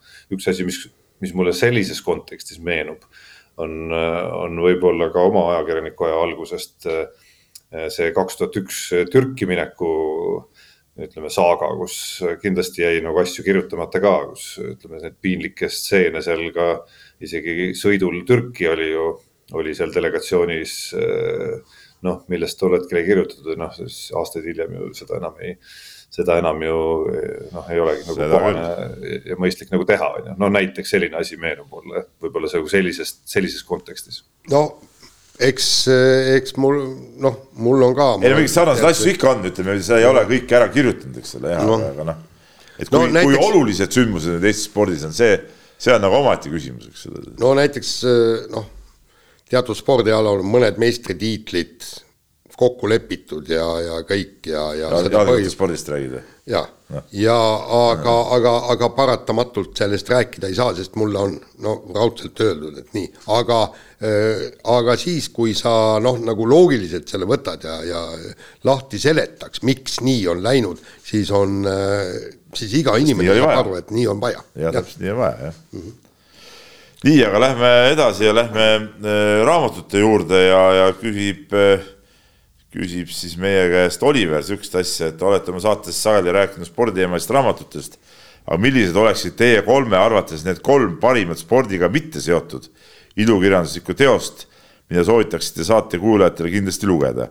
ei oska ennustada, mida välja pakute, kuid saate pikaajalise kuulajana kahtlustan, et vähemalt üks kolmest käsitleb elu Nõukogude militaarstruktuurides, näiteks seitseteist kevadist hetke, koodikud on siin vaiksed või tissa kaldal. no ma ütlen nii, et aga seitseteist kevadist hetke raamatuna minu arust, eh, kas ta oli? on, oli, oli, oli, oli, oli olemas. ei, see oli. ei, ta oli teise nimega. teise nimega oli. ta oli teise nimega. teise nimega oli, täpselt. aga mis see nimi oli, ma ei mäleta enam. ma ei mäleta, see oli see mingisuguses kahtlases äh, sarjas, kus vahepeal oli. ja, ja Tissa kaldal ma lugenud ja ma olen ka. see oli selles seiklusjutte maalt ja merelt. piiri, piirivalvurite. piirivalvurite ja Tissa kaldal ma lugenud ja koodikud on siin vaikselt, ma olen näinud seda filmi mm. -hmm. see film on äh, isegi sihuke päris hea, päris hea, hea film tegelikult, see ei ole nagu nii, see ei, ei, ei nõreta, ütleme mingist äh, suurest patriotismist võib-olla, et, et äh, aga, aga film oli hea. no kui rääkida ilukirjandusest päris, mina olin, ütleme sihukese noore, noore mehena ja, ja ütleme praegudki ma mõnikord võtan mõne raamatu kätte ja vaatan nende Raimond Kaugori romaanide suur suur austaja, mis olid nagu väga elulised, nagu ütleme seal kaheksakümnendatel äh, ma neid lugesin, eks ole, noh, seal mõned esimesed, mul on, mul on vist kodus kõik nad siiamaani olemas ka, seal esimesed olid päris, päris vanal ajal kirjutatud, aga ütleme, kaheksakümnendatel need olid siuksed, kuidas ma ütlen, nagu noore mehe jaoks üks nagu eluliste seikadega nagu vürtsitatud ja, ja, ja, ja, ja ütleme neid, neid ma lugesin küll, küll päris, päris usinaga ja mul ema töötas raamatukaubastu hulgibaasis ja siis olid olid raamatud, ütleme tänu sellele olid ka kergemini kättesaadavad, et mida noh, teatud raamatud oli defitsiiti vanasti. ei no ja õnneks noh, minul oli muidugi kooliõde oli õnneks. raamatu ja kantselei kaupade hulgibaas no, Laki tänaval, tead noh, jah ja, ja siis. kaubastu. jah, et, et ja siis sealt sain, saime neid, neid raamatuid äh, küll häid, et ütleme jah, need ütleme, ütleme romaanidest ütleme Eesti romaanidest need, need Kaugari romaanid olid mulle, mulle meeltmööda, sealt võib ükspuha ükspuha, millist võtta järjest. ja no eile hakkasin ma mõtlema ja vaatama oma raamaturiiulit ja seal kolm on muidugi ääretult eh, keeruline paika panna. kui me räägime nii-öelda Nõukogude raamatutest, siis kindlasti igaüks peaks lugema Üks päev Ivan Denissovitši elust, mis räägib siis toona vangilaagri eh, vangilaagri elust ja, ja, ja tegelikult siis te näete, et millistest asjadest võib inimene rõõmu tunda ja ei ole vaja kogu aeg vigiseda ja hädaldada, aga eh, kaks raamatut on kindlasti, mida, mida ma loen iga viie, võib-olla seitsme aasta, kuidas jõuab, on eh, Vahva sõdur Šveik muidugi ja, ja teine on siis eh, Karupoeg Puhh eks see Winny Puhhi, sellepärast et kui, kui, kui sa seda loed, et see on tegelikult filosoofiline romaan, kui sa vaatad, kuidas kõik need tegelased on väga täpselt ja väga selgelt eh, noh, mingisuguse inimtüübi järgi paika pandud, eks see Iah ja Ökul ja ja Jänes ja eh, puh, eh, alati optimistlik Puhk ja, ja Noitsu ja kõik need, et, et et siis sa hakkad enda ümber ka nägema inimesi, et, et ja, ja paigutama sinna saja aake metsa, et see on väga, väga äge ja toidukuul ka kindlasti, see, see, see on ju täiesti sürr raamat, kuidas Nõukogude Liit nägi kapitalismi. Neid ma igal juhul soovitan. ja, aga, aga ütleme teine asi, mida ma ka noore mehena eh, lugesin palju, ütleme, et kriminulid oli see Mirabel ja see sari, eks ole, ja, ja, no, ja, ja neid, neid sai ka loetud, raamatud ongi huvitavad, kahest žanrist mulle meeldivad raamatud. Eestis, kui on head kriminulid, praegu ma olen kriminulide peale läinud, ütleme mm -hmm. nii palju kui nii, nii vähe kui aega on raamatut lugeda, ütleme näiteks kuskil lennureisil või võtad ikka kaasa ja, ja, ja komandeeringu ajal, eks ole, loed, loed äh, kriminulle. peamiselt ütleme, siuksed Skandinaavia asjad on, on, on läinud huvitavaks ja ma et ma loen nagu Eesti asju ka tegelikult päris palju. ja siis teised ongi siuksed, ütleme Eesti elulised romaanid nagu ütleme, mis, mis on siuksed nagu siuksed, siuksed näitavadki elu, elu sellisena nagu, nagu ta on ja muide, täiesti soovitan, praegu loen seda Olev Osa, Osolini nii-öelda Krimka eh, teist osa, see on ääretult sürr eh, raamat ja ääretult lahe raamat, kus ta kirjeldab seda Eesti, Eesti nii-öelda tegelikku elu ja seal on praegu on siis, eh, jutt käib idufirmast, kus toimub kuritegu. Ja siis, kui ta kirjeldab seda idufirmat, et milline ta tegelikult on, ega nad ise ka ei oska, peaasi, et ta saaks igalt poolt raha kokku ajada ja ja kõik ja näiteks seal oli väga huvitav äh, lõik oli, et, et viissada viiskümmend inimest töötab ja igasuguseid peab olema, aga selgus, et tumedanahalistega on Eestis probleem, et neid ei ole võtta, seal peab, äh, pidi olema ka ju kindel arv tumedanahalisi. aga siis sõlmiti kahe Aafrika ülikooliga leping ja need siis saadeti siia praktikale ja küsiti, et no et palka neil maksad, ütlesid ei, mis palka, sõidavad siin Bolti ja Wolti kastid seljas ja teenivad endale ise elatisraha ja no tähendab, noh, näitab ära, et, et mis seal nii-öelda firmade sees võib toimuda. Tarmo.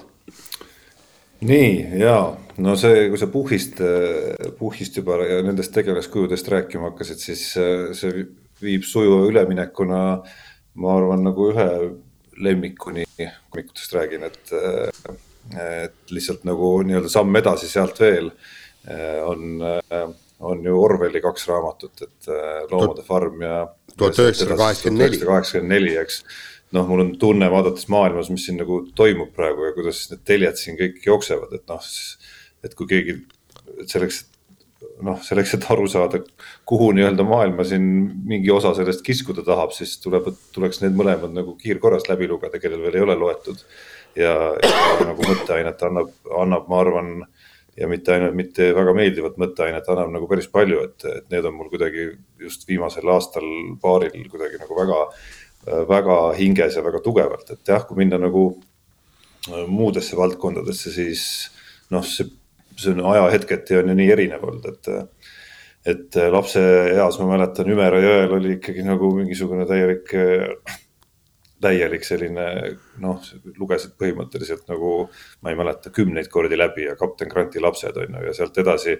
hiljem Päevale raamatusarjas oli Metsanurga üks üks äh, teine raamat Tuli tuha all, mis, mis mul siiamaani meeles, minu arust oli väga äge lugemine näiteks ja gümnaasiumi ajal vist olid Hemingway ja Remarki raamatud, noh et Hemingway jäi mulle nagu väga ägedalt ja, meelde. ma segan vahele Remarki, ma lugesin hüvasti, ka mingi aeg hüva, väga usinalt, usinalt. et, et hüvasti relva, hüvasti relvad jäi mulle just nagu sellest ajast nagu väga meelde, et noh, ja sealt edasi, okei okay,, Krimkat, noh, need kuidagi seal ei eristu nüüd ükski selline, neid Skandinaavia omasid on ka loetud päris palju, aga ma ei suudaks sealt küll nagu ühte välja tuua Äh, üks selline, üks, üks väga põnev raamat, mis, kui niimoodi küsitakse, on mul meelde jäänud, on Jeffrey Archeri Neljas võim. Jaan ja., Jaan on kindlasti lugenud no, seda, ma arvan. selline ilmselt natukene ajendatud ka sellest, äh, mis alal ma ise olen töötanud terve elu põhimõtteliselt, et, et seal on nagu tõsielulisi äh, nüansse jookseb sellest meedia, meedia, meediamagnaatide nii-öelda nagu esiletõusust ju päris, päris hästi läbi, eks ja seal on kon konkreetsed pe persoonid, kelle järgi see on ju, üks ja, oli Murdoch ja, ja, ja ma ei mäleta, kes see teine Just, oli. täpselt. Ja kui lihtsalt on vaja midagi hetke, siis ma, mina soovitaks Ando Runneli luulet lugeda.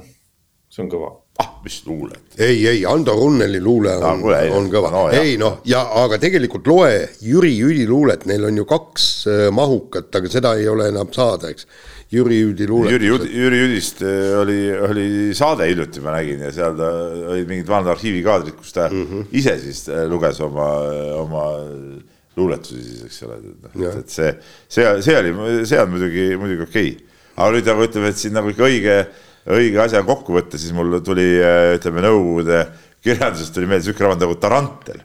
mis, mis oli, see oli ka nagu põnev, põnev, põnev raamat ka seiklusjutte Äh, maalt ja meret sarjast. nii, aga nii. seal, seal oli ju Leningradi blokaad ja. aga muidugi, muidugi hea blokaad loomulikult, kolm äh, osa, kolm osa, kõik nii, nii paksud on blokaadiraamat ka vaata ja see on ka tegelikult ju ilukirjanduslik äh, äh, tegelikult lähenemine asjale. olen ka läbi lugenud. ja see on mul, see on mul saunavetsus siiamaani riiuli peal. muide, tegelikult sinu saunavetsu riiulilt ma nägin selle ära, märkisin endale ära kaks äh, suve tagasi mul naine luges seda blokaadi ja kiitis väga, see on väga hästi kirjutatud. see ongi päris hästi kirjutatud, jah. eelmine nädal ma nägin, et antikvariaadis on müügil kõik kolm küüdet, kaheksa eurot, ostsin ära ja eelmine nädal käisin, jalutasin sinna raamatukoisse ja siis nüüd mul on riiul, mina ei ole seda veel lugenud ah,, ah. aga, aga see on äh, nüüd ei, see on päris okei okay.. nii, sulle ka Tarmo seal puhkuse ajal.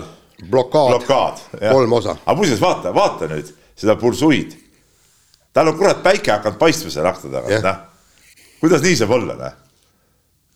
kusjuures see, see veel ei ole. mis see ei ole päike, mis see kardina pealt, kardinast peegeldab niimoodi kuidagi? ja ta kuidagi valge, on valgem, kui ta tegelikult. aga miks sa kokutad, miks sa kokutad? siin on äh, õht, õhtupäike tegelikult on siin, nii et. Äh, aga ta teeb siukseid. päeva ja õhtupäike. oh, et ma, mul niuke kehv ja kehv koht. ma ei tahagi siin olla tegelikult eriti ja ega siin ei ole mõnus, päikest ka ei ole ja, ja, ja, ja ega siin igasugust kehva on olla ja, ah ma hakkangi täna tegelikult võtan, hakkan mingeid tööasju siin nokitsema. ei, ei võtan, võtan, hakkan täna siin mingeid tööasju nokitsema ja, ja ega siin ei ole midagi. ma loodan, ma loodan, et prouas on nagu, on kõik eh, Delfisse sissepääsuparoolid muidugi ära võtnud. ma jäin just mõtlema, kes see, aa ma jäin just mõtlema, kes see oli sinu lause peale, et äh, äh, see oli siis Rein Rannap äh, mõni nädal tagasi. kas, kas ta oli, kas ta oli Anu saates pühapäeval vist või? ja Rein Rannap ikkagi, ma nüüd võin eksida aastanumbriga, tal oli mingi ümmargune, ümmargune sünnipäev, kohe guugeldan ära, seitsekümmend. seal siis ütles seitsmekümneselt, ütles välja selle lause, et, et ta on nüüd aru saanud ikkagi, no tegemist on väga ekstravagantse tüübiga, eks ole oleme näinud, teame Ruja lugudest ja kõigest, kui keerulised seal on olnud, kes otsustab ja mida. ja siis ütles, et äh, nüüd ta on aru saanud ikkagi, et, et äh, proual on ikkagi nagu alati õigus, eks et, et huvitav, siis ma naersin just, et jumal tänatud, et ikkagi see teadmine on endani ikkagi nagu oluliselt varem jõudnud kui seitsmekümnesed. no sind on lihtsalt ära painutatud varem vist, midagi, midagi muud, muud polegi, nii on. Nii on, aga nüüd paneme vist saate paneme, lukku. ja, Jaan, äh, see Jaan, Tarmo saab minna hommikuveini limpsima. või šampust, ma ei tea, kumba kaavat, kumba võtad, veini või kaavat no.? no mis kell teed esimese no, lonksu, ütle nüüd, mis kell teed esimese lonksu? No vaatame, mis tuju on, no see oli nagu sortimendi kohta seal, aga noh, kui nagu ma ei tea, kui tõsiselt rääkida, siis ma nagu ei tunne, et peaks hakkama siin kohe nagu alkoholi peale minema, et vastupidi, siin tõmbab hoopis nagu, tõmbab kuidagi nagu saab ka nagu ilma täiesti rahulikult, tõmbab ranna poole ja tõmbab. Hispaanias ja mitte ei juua veini maitsenaudingute poole, no igal juhul ei juhtu see hommikusöögi kõrvale, on siis vastus, ütleme nii. mis tagasi, selle, see. seda ütleb praegu ja siis kui lõpuks tagasi tuleb, on täiesti parmustunud tead no Mina nii. Davai, aga olgu. paneme saate lukku. seda, et ma veinisõber, seda, et ma veinisõber, Jaan, olen, seda sa tead, nii et no, ei pea muretsema, et ma siin kuidagi nagu, nagu karsklaseks hakkaksin siin ei. Äh, just nimelt nüüd selle, sellel puhkusel. veinisõber ehk lakekrants, nii, aga äh, paneme siis saate kinni ja mine hakka tegutsema. mehed ei nuta. saate tõi sinuni Unibet, mängijatelt mängijatele